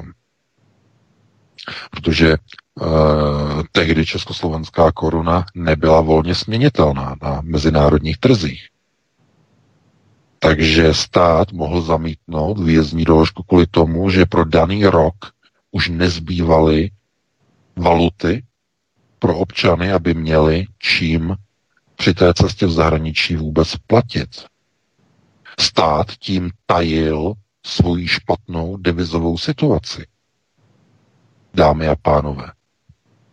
My, když jsme vlastně dělali rozhovor s tím, eh, no, ten slavný rozhovor s člověkem od VKR, eh, tedy vojenské kontradozvědky v roce 2014, tak já když jsem se s ním bavil, tak on vlastně tohleto mi vysvětloval, že eh, byl velký omyl lidí, kteří si mysleli, že lidé nedostávali výjezdní doložky kvůli tomu, že by je někdo podezíral z nějakých nějakých prostě úmyslů, že chtějí někde jako emigrovat, ale bylo to kvůli tomu, že ten stát zkrátka neměl devizové prostředky eh, na to, aby těm lidem, kteří by dostali tu výjezdní do, doložku, aby mohl dát aspoň to nezbytné penzum a minimum těch valut, aby vůbec mohli vyjet na ten západ.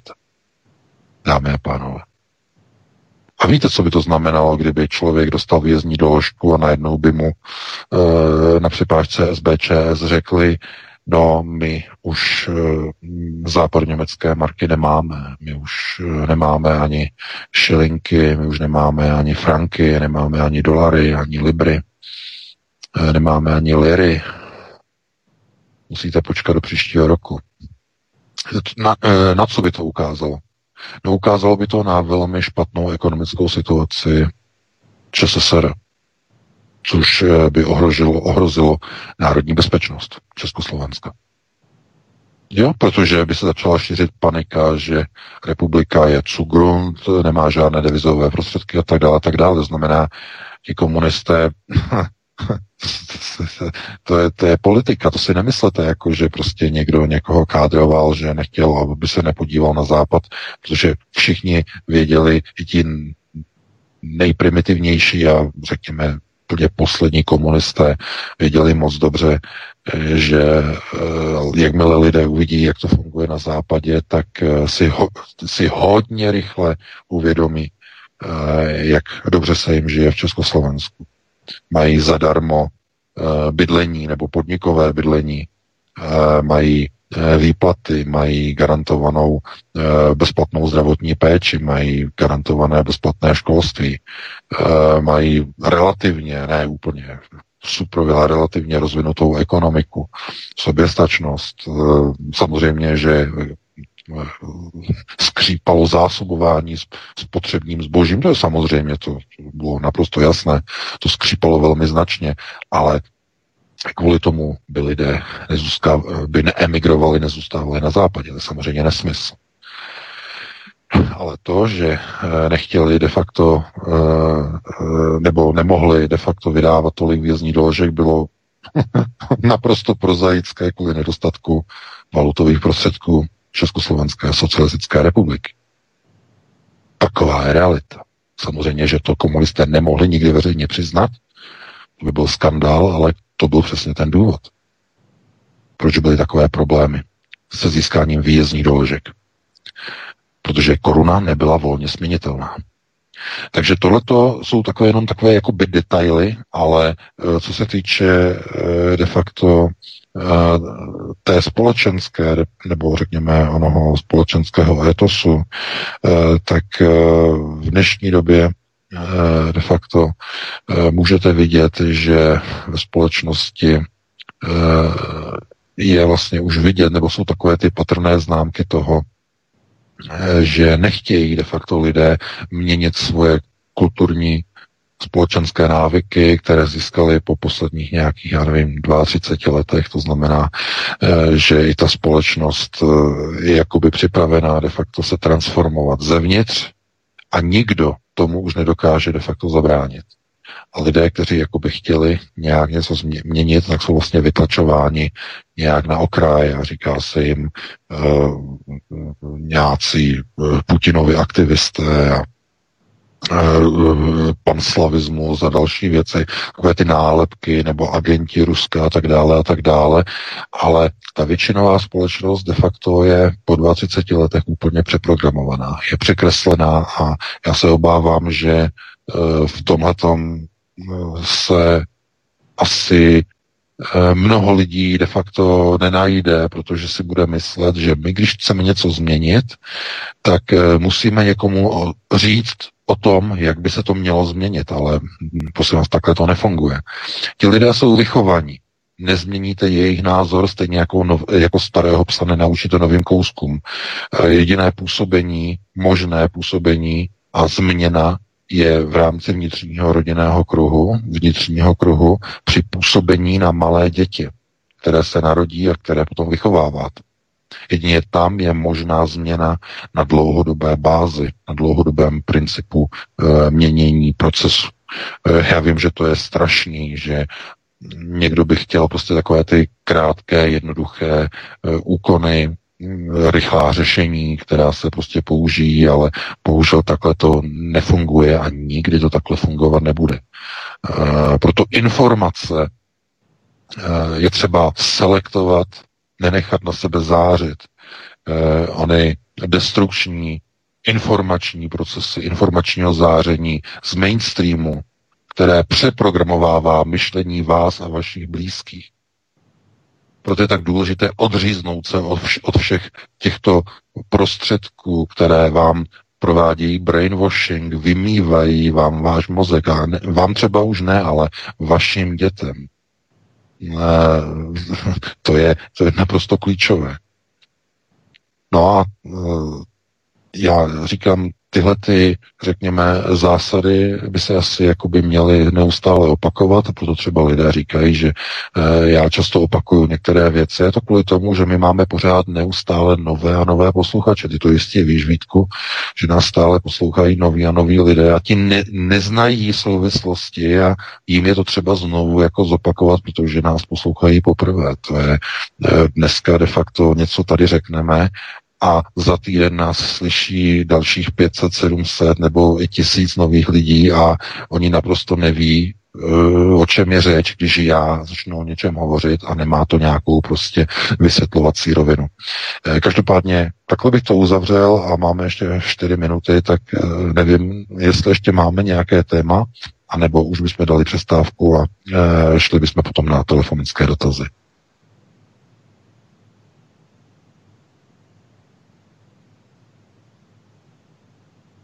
Jo, omlouvám se, eh, vydržte chvilku. Omlouvám se, já jsem tady měl telefon, já jsem teď chvíli neposlouchal. Už je tady konec, uh, pokud to správně chápu, VK.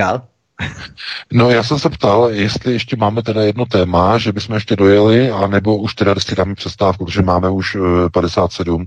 E, eh, jasně, tak, tak já nevím, jestli máme další téma, to bychom asi nestihli, já bych opravdu dal asi radši přestávku a mohli bychom zahrát píšničku a potom bychom se vrali posluchačům. A jestli tady souhlasíš, eh, pokud to téma no, máš, dobře, nějaké, bychom asi nestihli. Dáme, dáme přestávku a pustíme se potom do posluchačů rovnou. Dobře, respektive posluchači do nás. Tak, eh, posloucháte svobodný vysílač, od mikrofonu vás zdraví Vítek, my si zahrajeme písničku, s námi je tu Petr ze studia Migar, který bude mít eh, hlavní slovo příští hodinu, poslední hodinu, třetinu našeho vysílání, kdy se vám budeme věnovat v rámci vašich telefonických dotazů. Hezký večer. Prosíme, pomožte nám s propagací kanálu Studia Tapin Radio Svobodného vysílače CS. Pokud se vám tento nebo jiné pořady na tomto kanále líbí, klikněte na vaší obrazovce na tlačítko s nápisem Sdílet a vyberte sociální síť, na kterou pořád sdílíte. Jde o pouhých pár desítek sekund vašeho času. Děkujeme. Uspět. Takže vážení milí posluchači, otvírám telefonní linku, pokud tedy už budeme mít připojenýho Vítka a pana VK, a budeme se moc pustit do prvních, do prvních dotazů. Připomínám, připomínám telefonní číslo, které je 774 139 044 a já vezmu prvního volajícího, kterého zatím podržím na drát. No, halo, halo, jsem tady. Ano, taky jsme tady, v pohodě, můžeme se do toho pustit. Halo, halo, tak, ano, jsme tady, Petře. Jo, dobrý. Tak fajn. fajn, fajn, jsem rád. Takže vezmeme prvního volajícího, já doufám, že, eh, že mi vydržel na drátě a pokud jste komplet, tak jdeme do otázky. Dobrý večer, vítám vás ve vysílání, můžete položit otázku. Halo, halo. Halo, halo. Tak, halo, halo, slyšíme se? Respektive ano. Už jsem, se, už jsem se tady slyšet. Já jsem se chtěl zeptat na situaci v Německu, eh, zde posluchač z Prahy. Eh, eh, ta písnička teda byla, mě připadala na, na, na, na hejmu dosti příšerná textově, ale to jen tak bokem. E, e, chtěl jsem se zeptat, já jsem se ptal tuhle v pořadu pana Volného, proč, co si myslí o radě Československé televize a rozhlasu, kde sedí i sympatičtí lidé jako Hanna Lipovská, jako Žantovský a tak dále, protože rada přece by měla v první řadě dbát na objektivitu zpravodajství a to se neděje a tím pádem ta televize a ten rozhlas ČR Plus a televizi ČT24 mohou brainwashovat ten národ a to je taky největší páka této zhoubné propagandy. A jako jestli členové rady se starají o nějaký eh, rozpočety a peníze a tohle to je sice hezký, ale já se divím, proč teda nechají eh, tu televizi páchat tento zločin a jaká je situace s tímto eh, v Německu. Bych byl zvědavý na pana VK. Děkuji, budu poslouchat. Děkujem. No, já děkuji za dotaz, ale to jako, tady je to úplně stejný. Já nepředpokládám, že e, jako většina lidí asi sleduje procesy, které probíhají tady informační, ale přece v České republice je to úplně stejné, jako je to tady a jako je to ve Francii, jaké je to v Itálii, jaké je to e, v Holandsku, jaké je to ve Švédsku, e, v dalších zemích. E, mainstreamová média nemají za úkol přinášet zpravodajství, ale programovat veřejné mínění, programovat, působit na lidi, zářit na ně, informačně, zdůraznuju znovu informačně, aby bylo programováno jejich myšlení. E, všechny ty rady televizí a rádií, to jsou pouze, prosím vás, vypouštěcí a uvolňovací ventily na, na na opuštění tlaku naštvání veřejné společnosti. No, lidé jsou, aby lidi nevybuchli, tak tam dají upouštěcí ventilek a nazvou to radou, která občas vymění eh, ředitele, občas eh, něco se na něčem usnese, občas ta rada dá nějakou symbolickou výtku, Eh, nějakou pokutu za něco, co bylo jako neobjektivní, něco bylo nepřesného, sem tam, aby se upustilo naštvání ve společnosti. To je normální, to prostě žádná média dnes už nemají funkci přinášení zpráv. Dnes už mají média za úkol jenom programovat přesně určeným cíleným způsobem společnost tak, aby byla vytvářena virtuální realita.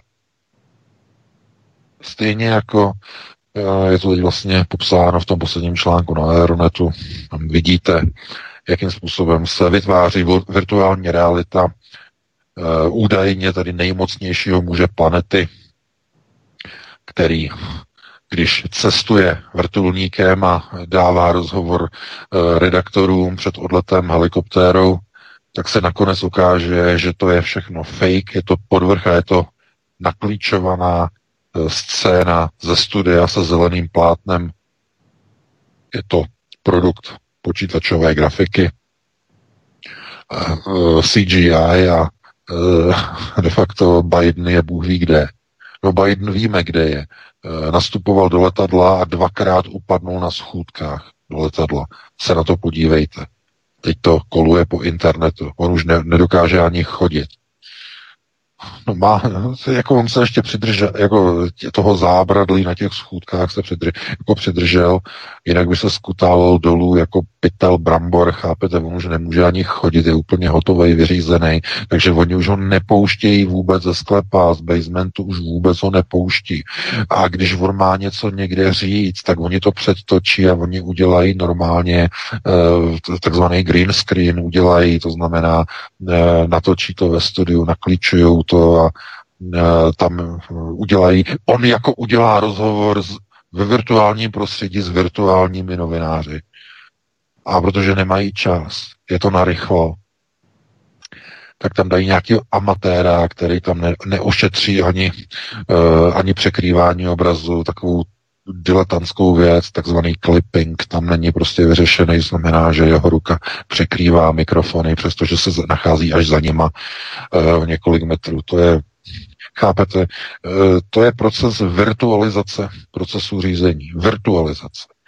A určitě víte o procesech řízení, jednotlivé, skupy, jednotlivé levely, eh, takzvané globální řízení, ale tohle to je úplně něco nového. To je úplně nový fenomén.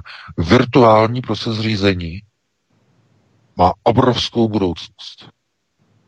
Ve chvíli, kdy lidé nebudou chodit k volbám, budou volit korespondenčně, kdy všude budou lockdowny, budou distance, budou omezení schromažďování lidu, bude možné na kandidátky dávat virtuální a neexistující, dokonce smyšlené kandidáty.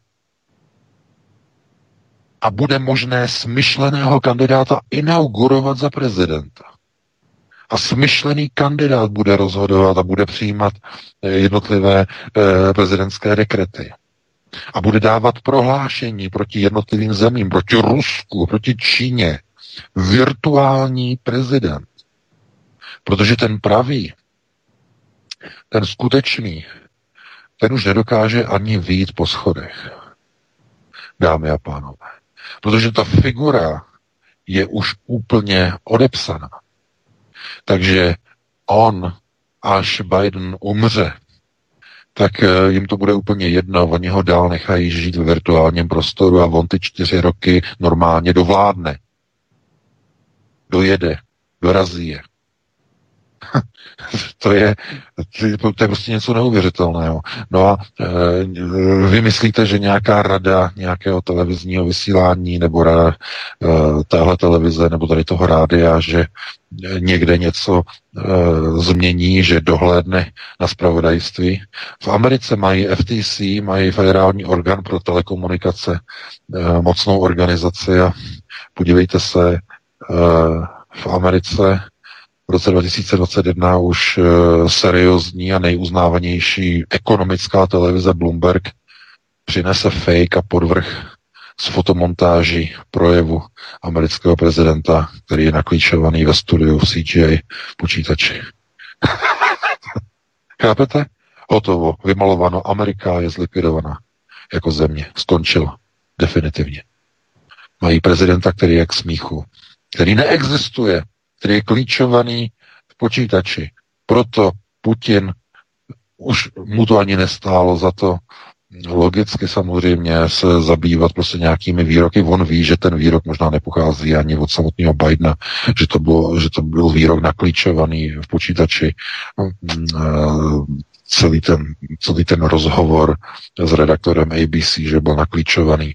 To, prostě Putin nabídl samozřejmě Bidenovi, popřál mu hodně zdraví a nabídl Bidenovi, že udělá prostě velký veřejný, živý eh, videomost, to znamená videokonferenci. No a samozřejmě Bílý dům to odmítl, s tím, že Biden je příliš zaneprázdněný. Je to logické, odmítli to kvůli tomu, že prostě by se Biden by úplně skolaboval, ten by prostě měl páté přes deváté, museli by naklíčovat celou scénu a samozřejmě živý přinosy se klíčují strašně špatně, e, tam by došlo ke spoustě chyb, vidíte, co oni provedli uh, při obyčejném, obyčejných pár záběrech živého přenosu s Bidenem, ta chyba s tím clippingem, s těma mikrofonama e, vznikla kvůli tomu, že to bylo dělané na rychlo, vidíte, a, a taková drobnost a okamžitě se to provalí a představte si, co by, jak kolik chyb by se udělalo při živém videomostu, takže bylo to odmítnuto. Tak. A z tohoto důvodu, ale já vím, že to samozřejmě je to velice dlouhý a my jsme na tady to téma úplně zapomněli, e, tak já jsem to trošku rozebral a pustíme se do dalšího volajícího, pokud ho máme na telefonu. Dobrý večer, jste ve vysílání, položte otázku. Ano, ano, dobrý večer, počujeme se?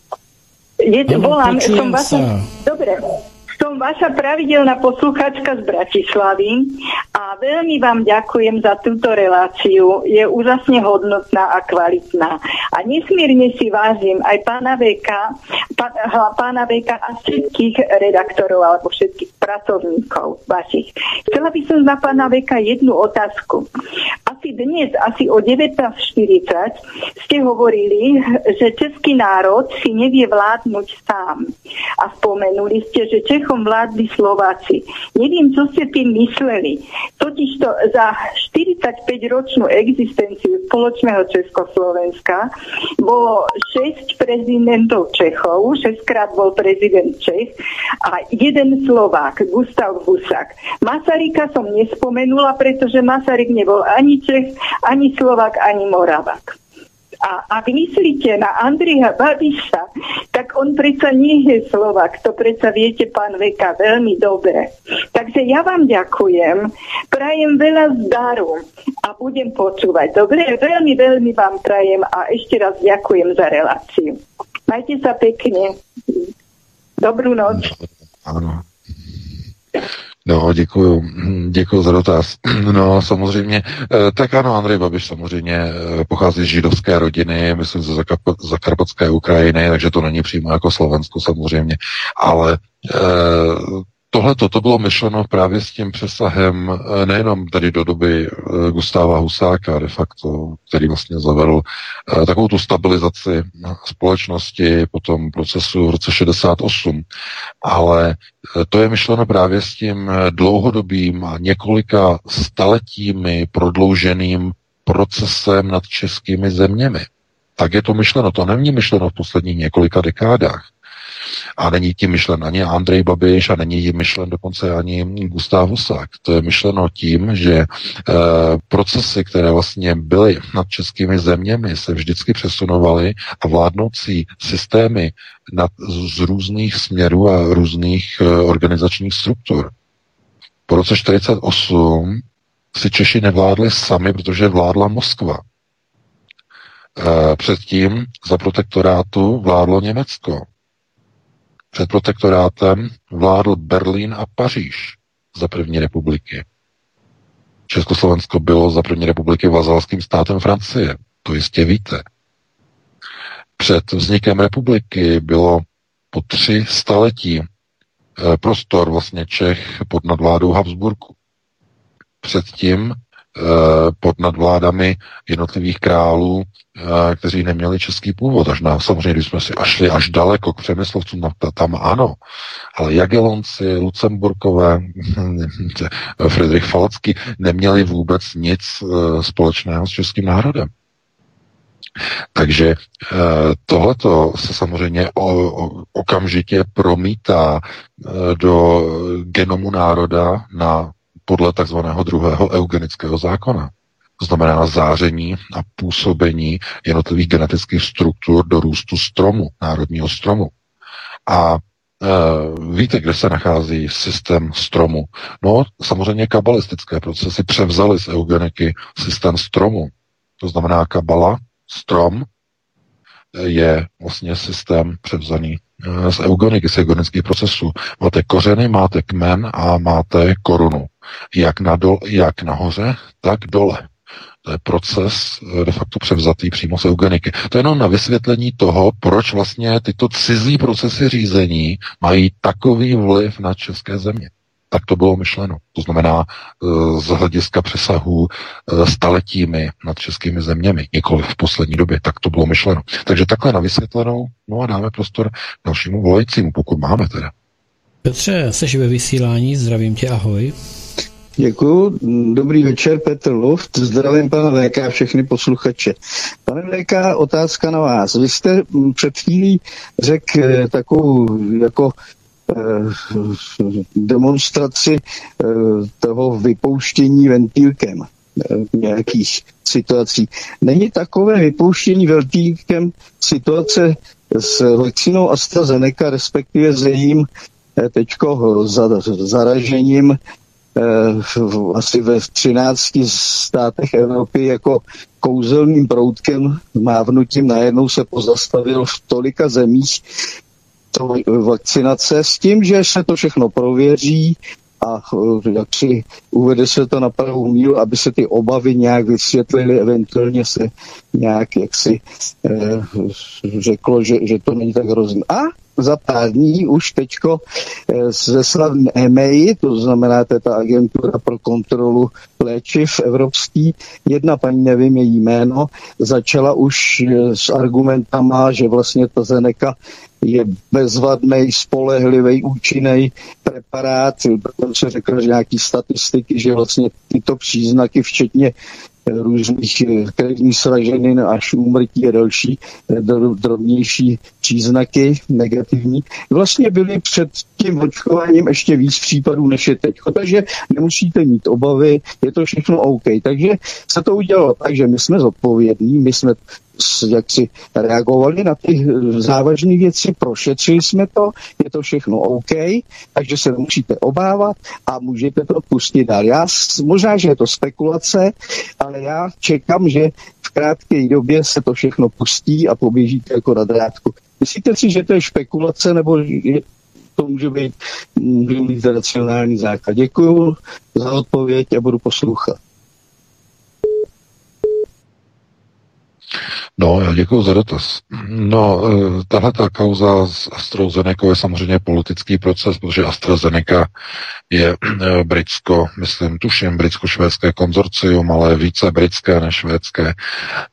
Je to samozřejmě určitá jakoby odveta Borisy Johnsonovi vlastně za procesy Brexitu, de facto jakási facka do tváře britské společnosti AstraZeneca za problémy s Brexitem. Oni dokonce přezdívají Astra, tady té vakcíně dokonce jako brexitová vakcinační odveta. Eh, ano, já s tím souhlasím. To je odveta vůči Velké Británii, vůči AstraZeneca, kvůli v ní totiž mají britské společnosti eh, určitá aktiva, různé zbrojovky a další a poškodí to samozřejmě britskou ekonomiku, což je hlavním cílem de facto eh, tady eh, německé vakcinační lobby, především německé společnosti BioNTech, která je vlastně pravou rukou amerického Pfizeru. Je to de facto konkurenční boj.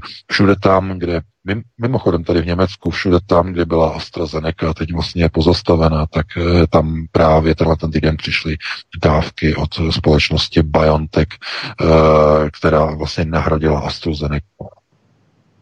Chápete? Je to konkurenční boj. Je to snaha o vytlačení britské vakcíny z evropského trhu. Takhle jednoduše.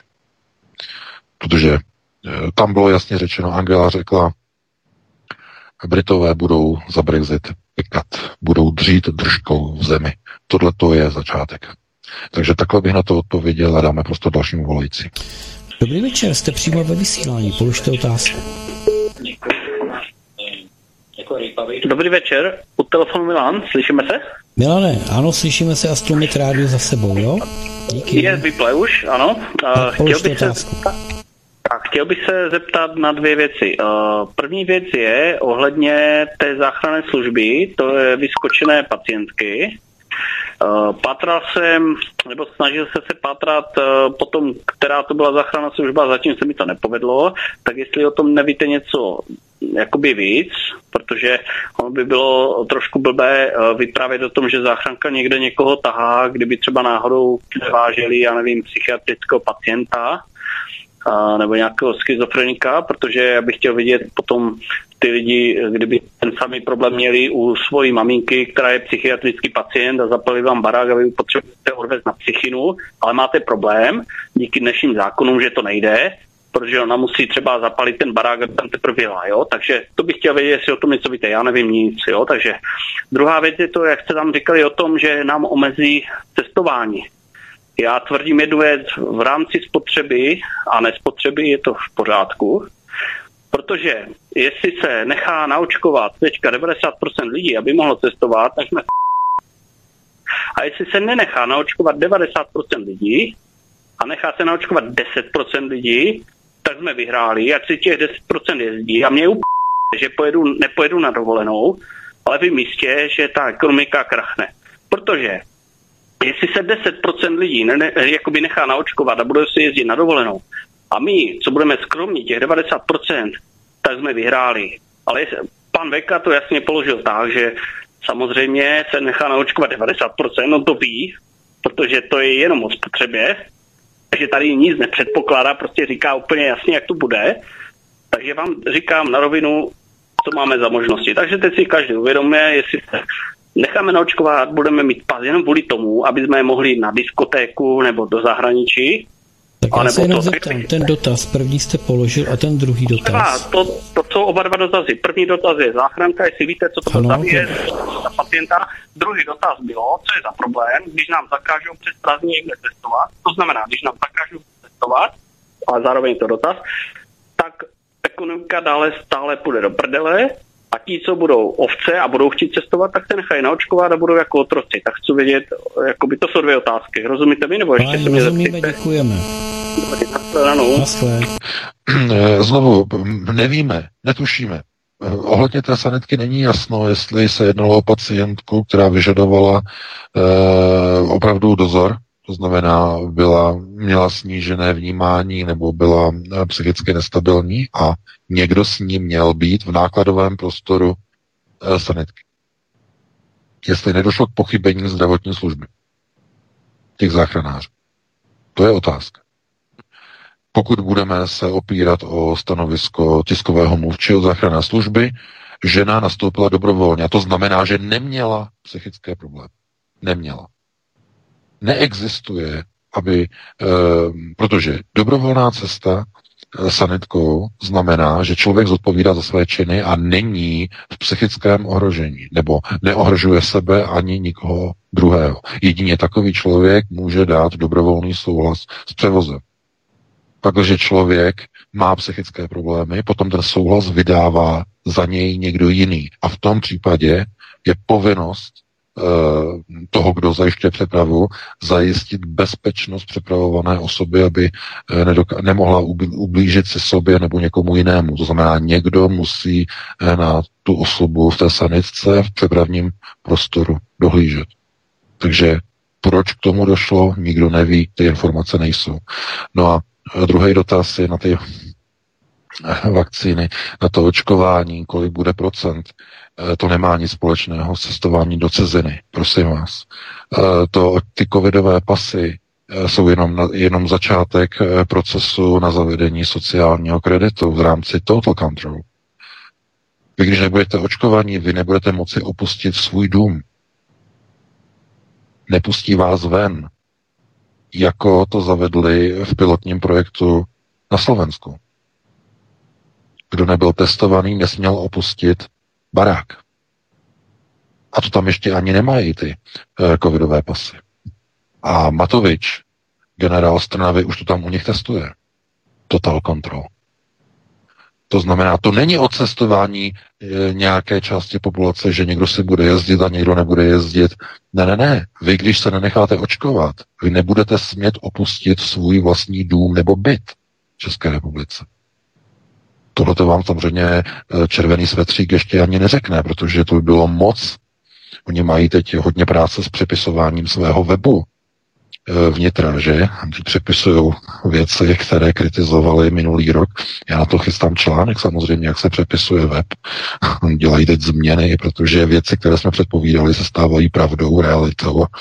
Oni se začínají cítit trapně, tak přepisují web, ale e, chápete, to, je, to nemá nic společného e, s tím, že by se prostě mohlo nebo nemohlo cestovat. To je pouze e, první jedna z možností nasazení těch e, covidových pasů. To znamená, ty covidové, covidové pasy budou mít elektronickou podobu v podobě mobilu, potom to budou náramky, nakonec to budou čipy a nepustí vás na nákup, nepustí vás do městské dopravy. Do práce vás nepustí bez očkování. Z baráku vás nepustí, abyste si vyšli na procházku. Chápete? Proto já říkám, že globalčiky, jakmile tohleto zavedou, 90% lidí, 95% lidí se povinně nechá kompulzivně dotlačit kočkování, než aby měli tyhle ty existenční problémy, že se nebudou moci pohnout z vlastního bytu nebo z vlastního domu. Z tohoto důvodu. No, takže dáme prostor dalšímu volajícímu, pokud máme. Máme, máme. Dobrý večer, jste ve vysílání, položte otázku. Tak já vás všechny zdravím, zdravím Vítka, zdravím VK, zdravím tebe Petře, Honza z Prahy. Já mám jenom dotaz, co se týče toho dalšího postupu, protože mně to přijde, že jakoby ta populace je rozdělená na takové dvě skupiny. Co jsem poslouchal pana Luftáka, tak tam je jasná ta, ta kvantová ekonomika, co nastupuje a další zase věří uh, tu nestaru gestaru. A zase se říká, že už svět nebude nikdy předtím, jak byl před tím covidem. Jo, přitom ta nestara gestara, ty lidi, co jsou taková už sekta kolem toho Trumpa, co věří v to světlo, tady v to dobro, jo, že tam prostě jsou takový dva scénáře a co si jakoby o tom VK myslí. A ještě bych jenom dodal, že teďka jsem viděl uh, krátký video, kde Biden přímo řekl, uh, prezident Harris, že se prokecnul, jo, to jsem viděl na, na, na tom, na Telegramu. A ještě bych jenom dodal, že ta AstraZeneca je vlastně zpátky znova ve hře, no. To dlouho netrvalo to odstavení. Takže takhle by byl můj dotaz, jak Jo, že jedni, jedni předpovídají, jakoby, že, to, že ten, po té koroně to bude špatný, tady ty lockdowny budou pokračovat, ale další zase prostě ta sekta se odvolává na toho Trumpa, na tomu Nesaru, Gesaru, jak se všechno děje, v pozadí, že Klitnová je začená a všechny tady ty jsou už k tomu. Dobře. Honzo, Honzo, dobrý, děkujeme. Tak poslouchejte děkujeme, Honzo. Díky. Mějte ano, se, díky, mějte se pánové, jste skvělí, naschle. Naschle, naschle. Naschle, taky zdravíme. No, e, tam jako nepadnul žádný dotaz, tak dáme asi prostor dalšímu volajícímu, předpokládám. No, tam bylo víceméně dotaz ohledně toho, zda ta sekta kolem Trumpa, která předpovídá jeden scénář a druhá sekta, respektive druhá uh, hysterická sekta kolem covidu, svědků covidových, ta předpovídá vlastně to, že všechno bude pokračovat na karantén, lockdownu a tak dále, tak která z nich asi převáží, nebo tak to myslím, že on zamyslel. Uh, jestli ta sekta no, kolem Trumpa, jestli... Ale to je, znovu, znovu to je prostě jako říkat prostě, že když prší, tak je mokro a je třeba něco vyřešit s tou vlhkostí, jako jo. Tohle to je úplně to samé. Eh, na vakcínách vůbec nezáleží to je vektor. To je vektor ukotvení totální kontroly celosvětové populace. To znamená, nestarejte se o vakcíny, vakcíny jsou vektor. A když nebudete mít vakcínu, budete muset mít testy. A když nebudete mít vakcínu ani testy, tak budete začleněni do skupiny odpíračů a budete znovu zavedeni v systému tak jako tak, ať chcete nebo nechcete. Skupina Bilderberg tomu říká, uh, oni tomu říkají the ultimate control. To znamená ultimátní kontrola. No, když měli schůzku v Šantelách, tak uh, hovořil vlastně šéf uh, Societe Generál o banky o the ultimate control uh, lidí, že lidem se dají na výběr v podstatě několik možností, ale každá uh, ta možnost bude v jedné určité databázi, která bude potom kontrolovat pohyb obyvatelstva. Když vy odmítnete, tak to neznamená, že jste mimo systém, ale jste pouze zařazený do konkrétní databáze odpíračů. A jistě víš, Vítku, že tohle to už zavedli ve Španělsku. Tak, teď jsem to chtěl doplnit ve Španělsku, ano. Tak, takzvaná databáze neočkovaných odpíračů. To znamená, vůbec se nestarejte o nějaké vakcíny, to je pouze vektor, nebo lépe řečeno prekurzor zavedení, eh, buď tedy tomu říká někdo, tedy někdo total control, to říkám já, totální kontrola, nebo jako skupina Bilderberg, the ultimate control, ultimátní kontrola pohybu obyvatelstva. Takže takhle bych na to odpověděl a dáme prostě dalším volajícím. Dobrý večer, tak jste ve vysílání zdaleka, zdaleka až z Ameriky, tak prosím, dejte otázku. Dobrý večer, ďakujem za reláciu, pozdravujem vás všetkých. Chcela som sa spýtať ohľadom uh, toho najväčšieho vojenského cvičenia, ktoré má prebiehať v apríli. Keby sa k tomu mohol pán Veka vyjadriť, či je to ako nejaká ja neviem, či chcú vyvolať vojnu, alebo či je to spolu niečo z... Nerozumiem tomu, prečo sa teraz koľké vojska uh, sa nachádzajú na hraniciach koľkých štátov bývalého uh, bloku Varšavskej zmluvy. Ďakujem pekne. Děkujeme. Taky zdravíme do Arizony. Hezký večer. Odpoledne. Samozřejmě, to je jed, velice jednoduché, protože eh, jelikož Joe Biden teď bude provádět takzvanou virtualizovanou politiku, znamená rovná se nebude jí provádět on. V této chvíli už politiku řídí Deep State.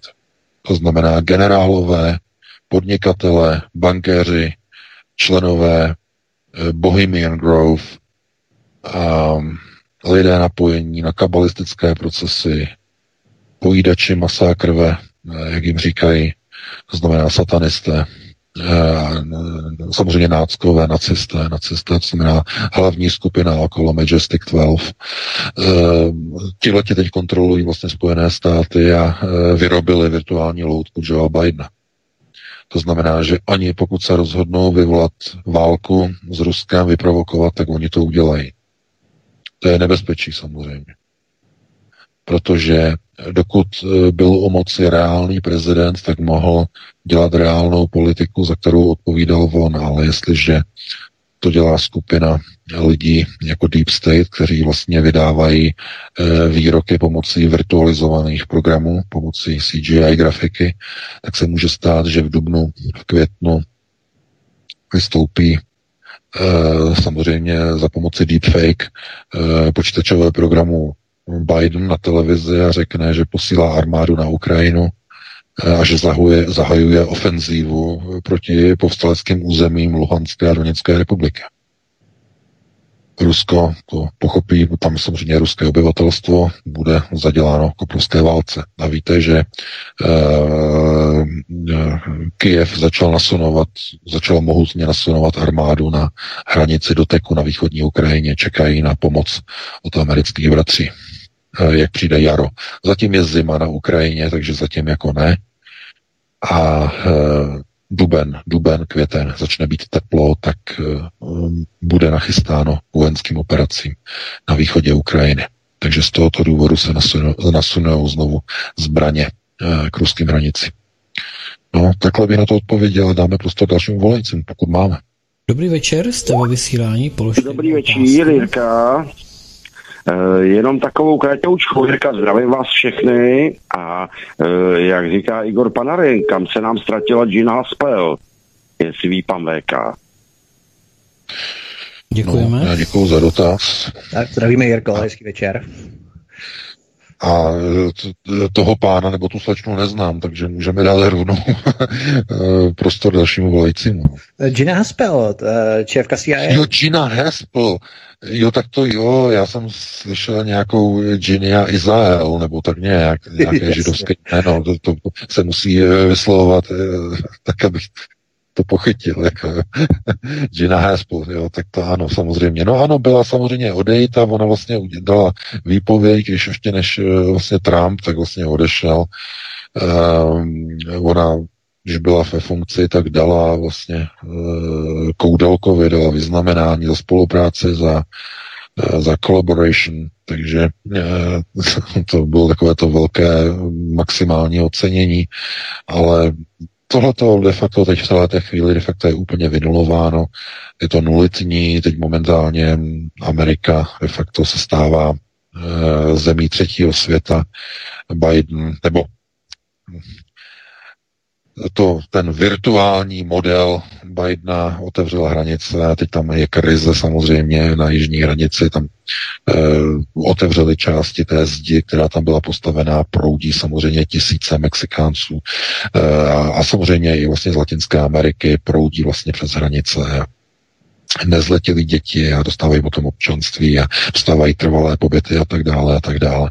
Takže oni tam teď mají vlastně zaděláno na krizi, ale znova ten samý proces jako v Evropě. Nasunování cizích kultur, které indukují chudobu do Spojených států indukce chudoby. Základní premisa a předpoklad pro zavedení minimální mzdy, eh, teda minimální mzdy, pardon, eh, univer, univerzálního příjmu nebo takzvané nepodmíněného příjmu, eh, základní předpoklad, to znamená schudnutí společnosti, její totální kontrola a registrace skrze covidové pasy, z covidové systémy a systém totální kontroly a odstranění jednotlivých práv, která dosud američané mají.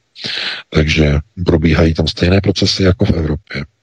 Akorát pouze to etnikum je jiné, zatímco do Ameriky, do Spojených států proudí hispánci, tak do Evropy je hlavně muslimové. Jinak v tom žádný rozdíl není. Takže máme prostě dalšímu volajícím. PK, já se tě chci jenom zeptat, v rámci té virtuální formy Joea Bidena, o které hovoříš, je to nějakým způsobem dlouhodobě udržitelné, protože on vlastně musí jednat eh, s zahraničními delegacemi, zahraničními partnery, i když virtuálně, protože oni k němu nebudou dojíždět kvůli covidu, ale i v rámci živého přenosu to není možné virtualizovat, naklíčovat, ale tak to, je to udržitelné vůbec tento, takhle, tento proces? Takhle to jde samozřejmě jako virtualizovat, ale uh, u těch, řekněme, takových těch jakoby high profile uh, přenosů je většinou používáno více kamer, oni dělají takové prostřihy ze předu, ze zadu, ze strany a tak dále a tak dále. Ale když on mluví naživo nebo má nějaký skript, tak je to daleko jednodušší, než když mu dávají do úst e, takzvaně úplně cizí texty. To znamená, Bidena někam posadí, dají mu skript a spozdí přenos o několik desítek vteřin. Když on udělá chybu, tak to zastaví, skorigují a pustí na živo do éteru. Jo, to znamená, nechávají tam nějakou prodlevu těch živých přenosů.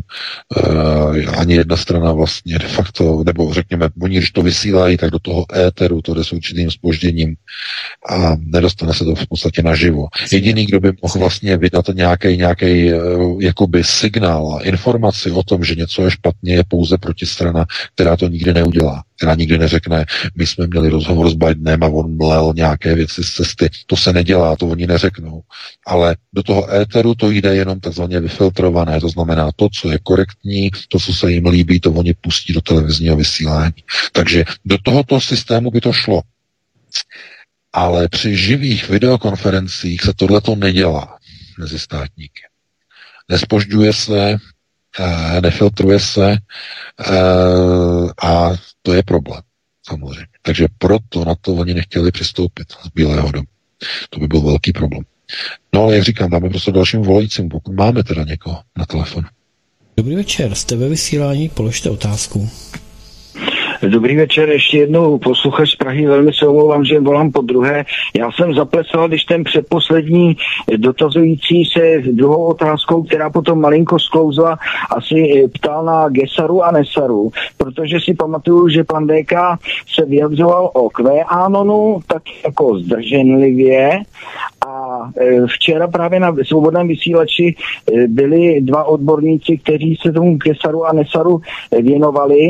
Jeden z pozice dobrá a zlá a druhý z pozice, co si lidi vyberou. Nicméně oba říkali, že e, ty proudy tam jsou velmi živé, že Trump na tom sedí, že vlastně Biden nemá ani ten kufřík atomový nebo nějaké a tyhle ty věci a že vlastně je to jazyček vach, který zdaleka ještě není rozhodnutý. Já vím, že to vypadá, že situace se velmi eh, horší, jo, a to, ale zároveň třeba se opravdu eh, chystá nějaká změna, jako prozřetelností nebo takhle. Takže Kesara Nesara jsem bych prosil ještě trošinku eh, se zavěnovat konkrétně. Děkuji moc, budu poslouchat. No, já děkuji za dotaz, ale já si vás nepotěším, já vůbec netuším, o čem je řeč. Ty víš, Vítku, co to je? Gesara Nesara? Gesara Nesara, nevím, o čem je řeč taky. Nevím, ne, já se, prosím vás, já se o tady ty věci e, nezajímám, to znamená takové ty, e,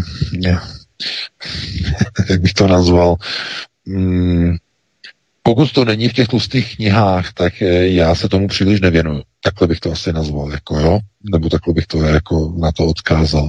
Je toho mnoho, je mnoho proudů, samozřejmě určitých, řekněme, um, různých um, webových stránek, je mnoho, je mnoho na sociálních sítích, mnoho lidí, kteří se zabývají Eh, různými směry, eh, které já vůbec ani nebudu nějakým způsobem jako, jako tady jmenovat, protože eh, se trošku zajímám trošku do jiných směrů, do jiných věcí a čerpám určitě, určitě jednoznačně trošku z trošku jiných zdrojů, než zrovna jsou třeba některé webové stránky nebo některé typy takzvaně populárně naučných nebo spíš jenom populárních eh, vlastně informačních kanálů, které jsou k dispozici na internetu. To zrovna není úplně ideální zdroj pro informace. Takže takhle bych na to reagoval, dáme prostor dalšímu volající. Dobrý večer, jste ve vysílání. Položte otázku. Dobrý večer všetky, ja zdravím. Rada by som sa spýtala, dnes som si pozrela na Facebooku jednu správu. Je to uh, stav Stavdeny uh, plán na rok 2025 až 2028. Je to z Hopkinsovej univerzity a je to už vlastne napísané v roku 2017 a spomína sa tam vlastne, že postupne budú všetky zvieratá, všetky kopisníky vlastne, vlastne vakcinovať. Ako to vidíte vy? Vlastne sa to nikdy neskončí, vlastne sa to prehodí. Keď sa nedáme vlastne my naočkovať, tak naočkujú všetky zvieratá alebo všetky vykinožia. Uh-huh, ďakujeme. Uh-huh. Ďakujem veľmi pekne, budem vás počúvať. No. Dobře, no, já děkuji za dotaz. E, já jsem slyšel no, něco, že v nějakém plánu prostě očkování zvířat a mně to připadá úplně jako prostě s těma vakcínama, jako kdyby se úplně roztrhl pytel a e, začali prostě e, budou jednou chtít prostě očkovat i hemis a prostě všechno mít úplně pod totální kontrolu, ale znovu, prosím vás. Já to musím znovu zopakovat, protože mi to připadá jak jsme to o tom jednou dokonce mluvili, si vzpomínám, ale znovu, co se sleduje tím, když někdo něco nebo někoho chce očkovat? Vytvořit a zanést ho do databáze. A v druhé fázi ho kontrolovat a ve třetí fázi ho co? Spoplatnit. To znamená, že když někdo bude chtít očkovat zvířata, tak co bude muset být zařízeno? Když začnete očkovat, musíte vytvořit databázi. A jakmile budete mít databázi očkovaných zvířat, tak můžete zavést co? Adresné poplatky a spoplatnění. No a co říká Klaus Schwab? Nebudeme jíst maso, budeme jíst hmyz. Takže jakmile budou očkovaná zvířata, jakmile budou tedy vytvořené databáze a jakmile budou spoplatněny, tak maso už bude tak drahé, že lidi budou jíst hmyz. Protože se uvalí emisní normy na hovězí a na vepřové stejně jako dneska se uvalují emisní limity na výrobu aut. Stejně jako kouří auta, tak e, se budou dávat i emisní e, limity na zvířata, že vypouští CO2 a metan. Chápete? Udělali to na auta, emisní limity euro 5, euro 6, euro 20 a udělají to i na zvířata protože taky vypouští emise. Klaus Schwab, to je jeho myšlenka, zavést eh, centrální databázi všech hospodářských průmyslových zvířat eh, v celé Evropě a spoplatnit je. No, na omezení emise skleníkových plynů z hospodářských zvířat. Panečku. To je síla. Je chucpe, macaté, vykrmené, vypasené, No, se zahnutými zobáky. Pěkně. S úsměvem a mnou si ruce. Jak se nám to daří? Jak se nám to daří? To znamená, tohle to přesně, to jsou oni samozřejmě. To je, to je, to je jejich práce. Nás poslouchají a říkají si, zase nás odhalili. Sakra práce, co my s tím uděláme? Zase nás odhalili. No děláme to pravidelně, no tak odhalujeme eh, každý týden a někdo se diví, proč někdo nevystupuje pod nějakým civilním jménem. Proč před proč? Proč? Pod přezdívkou. No já se nechci nechat oddělat spolu s rodinou jako e, novinář jistý, nebo e, řada vlastně novinářek, e, nebo někteří, e, řekněme, politici nebo někteří, řekněme, občanští aktivisté, abych takhle řekl. No, takže to jako to není vůbec žádná legrace. Eh, pán, který volal, který byl odpojen, eh, tak jmenoval některé eh, pány, kterých rozhodně si jako vážíme, že? Znalce z oboru lékařství, pana Pěkina, ale oni všichni mají jedno společného. Oni nemluví o věcech, o kterých mluvím já naprosto otevřeně. Procesy světového řízení, satanova synagoga, světový sionismus, halacha, halachim, uh, věci, které se týkají uh, vyvolenosti rasy, která, které byla určena zpráva na touto planetou. jejich nedotknutelnost, jejich procesy řízení, jejich nedostižnost v otázkách takzvaného kompendia nefilem věci, které jsou zapovězeny, které jsou tabu, o kterých se nesmí hovořit. Kdo o nich promluví, je zlikvidován, zničen. Takže e, proto já nereaguju na žádné takovéhle provokace, e, protože e, jsou samozřejmě informace informační zdroje, které se rozvíte jenom, jenom čistě ode mě. To říkám ne kvůli tomu, že bych se myslel, že jsem jediný, kdo o tom ví, ale jsem jednoznačně jediný, který o tom otevřeně hovoří. Mediálně. Rozhodně jediný široko daleko. A nemám z toho radost. Protože eh, nevěřím tomu, že by někdo jiný toto nedisponoval těmito informacemi, ale rozhodně nikdo o tom nepíše tak důkladně a nevede eh, tyto pořady každý pátek tak, abych vlastně eh, přiváděl lidi ke konceptuální gramotnosti. Nedělá to ani Valery Pjakin v tomto rozsahu, nedělá to ani nikdo jiný z hlediska analytiky konceptuálních procesů řízení. Takže takhle by na to odpověděl, no a dáme prostor dalšímu volajícímu, pokud máme někoho. Dobrý večer, jste ve vysílání, položte otázku.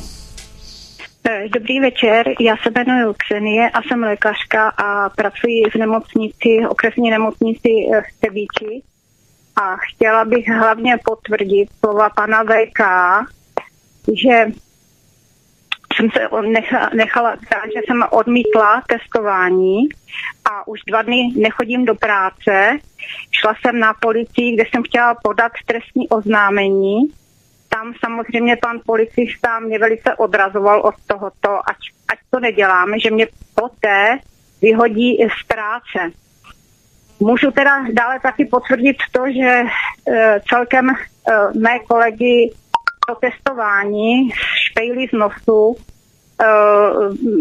se jim to hodně nelíbí a prakticky tím jsou tlačení do očkování. Takže já jenom chci eh, potvrdit slova pana VK, že prostě to začíná, já dva dny už nechodím do práce a to je krize ve zdravotnictví, že potřebují každou ruku a mě do nemocnice nepustí. Chtěla bych moc poděkovat vašemu pořadu, že lidem otvíráte oči, uši. Děkuju. Dobrou noc. Dobrou noc. Taky zdravíme paní doktorku do Třebíče, velmi statečná doktorka, volala myslím, že před minulý týden do ANS taky, do vysílání. Úžasná paní doktorka, opravdu. Já poprosím třeba tebe, Petře, nebo některé z našich kolegů, pokud budete chtít a pokud by paní doktorka souhlasila na nějaký speciální pořad eh, právě o tom očkování, o tom eh, situaci, která panuje v nemocnicích, protože to je velmi důležité eh, nějakým způsobem to rozebrat, rozanalizovat i dál, protože paní doktorka má bez pochyby mnohem více informací, než které sděluje takto krátce tak eh, by to bylo možná i fajn. Co říkáš, Petře? Já myslím, že určitě to nějak vymyslím, já už jsem stejko tady značím číslo, takže budu rád, že se s paní doktorkou Jasně. budu moc nějak, nějak domluvit. Určitě. Tak, VK, pojdej. No, jako samozřejmě tohleto je naprosto, já o tom hovořím a píšu o tom vlastně už od minulého roku, někdy od, eh, jsem první článek měl v březnu minulého roku, jsem říkal, že situace dojde tak daleko, že uh, lidi budou tak otrávení ze špejlování, tak jim to bude vadit i zdravotně samozřejmě, že potom odřený nos, že ta sliznice je odřená, tak budou tlačení tím odporným špejlováním k vakcinaci samozřejmě. Budou doslova dokopáni k tomu, aby se nechali očkovat, protože to špejlování bude tak protivné a tak časté, Víte, zrovna jsem o tom hovořil. Eh, Blatný rozhodl, že se budou zaměstnanci v tom plošném testování v České republice testovat už dvakrát týdně. Kdy jsem o tom hovořil? Před dvěma týdny? Že ne jednou, dvakrát týdně. Vidíte, už je to tady. Takže jak, jaký je rozdíl mezi konspirací a realitou? No, dva týdny už jenom. to je rychlost. Já říkám, oni řeknou třikrát týdně. Třikrát. Jak dlouho to bude trvat? Třikrát týdně. Takže ano, ale to samozřejmě to lidi nevydrží. Nevydrží, v žádném případě nepředpokládejte, že to vydrží. Většina lidí po pár týdnech, i kdyby byl nějaký někdo hodně jako opravdu velmi odolný, po několika měsících prostě už to nedá. Už to nedá prostě tolikrát si strkat do nosu špejly, nedá to a nechá se radši očkovat. To je přesně ten proces, ten systém. Proto to zavedli, ano, přesně kvůli tomu, aby lidi e, byli donuceni, dotlačení, doslova dokopaní k té vakcinaci. Přesně z těchto důvodů. Jako bychom o tom nemluvili v předstihu. No. To je smutné tohleto, no, jak se to prostě naplňuje všechno. Máme 21.58, tak jestli máme ještě jednoho volajícího, jestli máme na telefonu. Máme, máme. Tak uh, jste poslední, kdo položí otázku dneska večer, jste ve vysílání, prosím. Halo, slyšíme se? Poslední Halo? platí a pan vy se asi platit Halo, nechce. Ano, tak vy jste zaspal. Jo. Jste poslední, kdo položí dneska otázku, tak máte prostor. Dobře, už mohu, ano. Zdravím teda všechny vysílači tady Luděk. Já mám teda otázku, která vyplne z toho, co řeknu. Mám informaci, která by možná je neprověřená, ale mohla zachránit životy a zdraví mnoha, mnoha lidem. Viděl jsem video jedné Češky, která zkoumala tu tyčinku, na který je taková ta vatička. Já vím, že to není vatička ale zjistila, že na kpičce je nějaký nanoprach a dále objevila, že v tom těle vatičky jsou parazity. Opak parazity. Čili mi to se cvaklo hned, jako skládačka, říká pan VK, že pokud jsou tam parazity, tak zcela logicky by na to fungoval lék Ivermectin, který prosadil poslanec Lubomír Volným, tuším v brněnské nemocnici na základě technického protokolu. Takže Ivermectin, který je suverénním lékem na parazity, v podstatě uzdravuje ty pacienty, kteří tam jsou ale s covidem.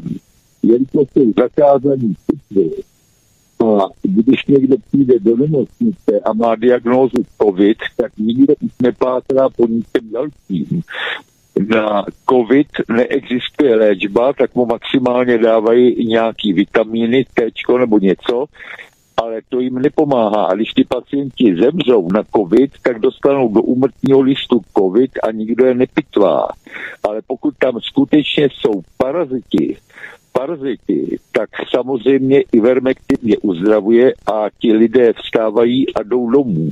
Já tedy mám otázku, ještě než tu otázku sformuluju, tak bych eh, chtěl říct, že teda pak by to znamenalo, že tady není pandemie, ale je tady double pandemie, dvojitá pandemie. Je to vedený jednou zbraní COVID a druhou zbraní no, parazit. Pojďte tu otázku, zkrátit, prosím. Máme 10 hodin. Uh, my se omlouváme, je to velmi zajímavé, co říkáte, ale zkuste to prosím zkrátit. Máme 10 hodin, děkujeme. Dobře, jestli to tedy pan VK ví, anebo jestli by se to dalo nějakým způsobem prověřit, protože pokud by to platilo, tak by to v podstatě mohlo celosvětově léčit e, všechny lidi ivermectinem. Mohli by se schrnout ze stolu všechny vakcíny na COVID, protože diagnóza Dobře, COVID by byla... já vás policí. zastavím, už je hodně hodin. Otázku jste položil, Dobře. jestli VK o tom něco ví, tak poslouchejte z rádia. Jo? A Děkujeme. to nějakým způsobem prověřit. Děkuju a zdravím. Mějte se hezky. Taky. Hezky No, já děkuji za dotaz a to je nošení eh, dříví eh, do konceptuálně gramotného lesa, já bych řekl, protože já jsem o tom měl dokonce článek minulý týden. Eh, takže tam je to popsané, přesně, dokonce je tam video s těmi parazity. Je tam, je tam rozsáhlý článek, odkazy jsou tam, dokonce na lékařskou studii, která probíhala v polovině roku 2020 ve středozemním moři s hlísticemi. Takže já jenom pána odkážu vlastně na ten článek, který je starý asi týden nebo sedm nebo osm dní. Z minulého týdne. A e, tím bychom dnešní teda povídání ukončili. Já se tedy rozloučím s tebou Vítku i s tebou Petře, e, s našimi posluchači. Doufám, že dneska se vám to líbilo. Dneska jsme začínali na čas. Neslibuju, že to tak bude pokaždé, e, protože opravdu nestíhám a e, probereme opět znovu tady za týden aktuální témata z domova i ze světa. Pokud si najdete čas, tak si nás zapněte, e, nastavte si e, hodiny, kalendář a opět si nás můžete pustit. Já tedy do té doby vám přeji hezký e, a úspěšný příští týden, e, hezký víkend, no a pro tuto chvíli krásnou dobrou noc. Já se taky připojuji s pozdravem BK, mě se moc hezky, moc děkuju. Petře, to také, milí posluchači, za vaše telefonáty. My se s vámi loučíme loučíme. Hezký víkend, děkujeme, že přecházíte na platformu Odyssey z YouTube, který cenzuruje naše videa a v podstatě YouTube je zabitý stále více alternativ kanálů i uživatelů přechází na Odyssey, tak se k nám připojte ke všem, kteří chceme mít neustálý přístup k necenzurovaným informacím. To bylo všechno, zdraví vás svítek, hezký večer, případně dobrou noc. No a já děkuji oběma pánům, děkuji všem, kteří jste volali. Omlouvám se, co jste se nedovolali, tak třeba příště to vyjde. No a e, od mikrofonu teď v tuto už pozdní hodinu e, se loučí Petr Václav a budu předávat do dalšího studia, takže mějte se krásně a zítra se s vámi pochopitelně od 17 hodin u pořadu Stárnutí přežitek opět tady z Midgardu těší Petr Václav. Mějte se moc a moc pěkně. Prosíme, pomožte nám s propagací kanálu Studia Tapin Rádio Svobodného vysílače CS. Pokud se vám tento nebo jiné pořady na tomto kanále líbí, klikněte na vaší obrazovce na tlačítko s nápisem Sdílet a vyberte sociální síť, na kterou pořád sdílíte. Jde o pouhých pár desítek sekund vašeho času. Děkujeme.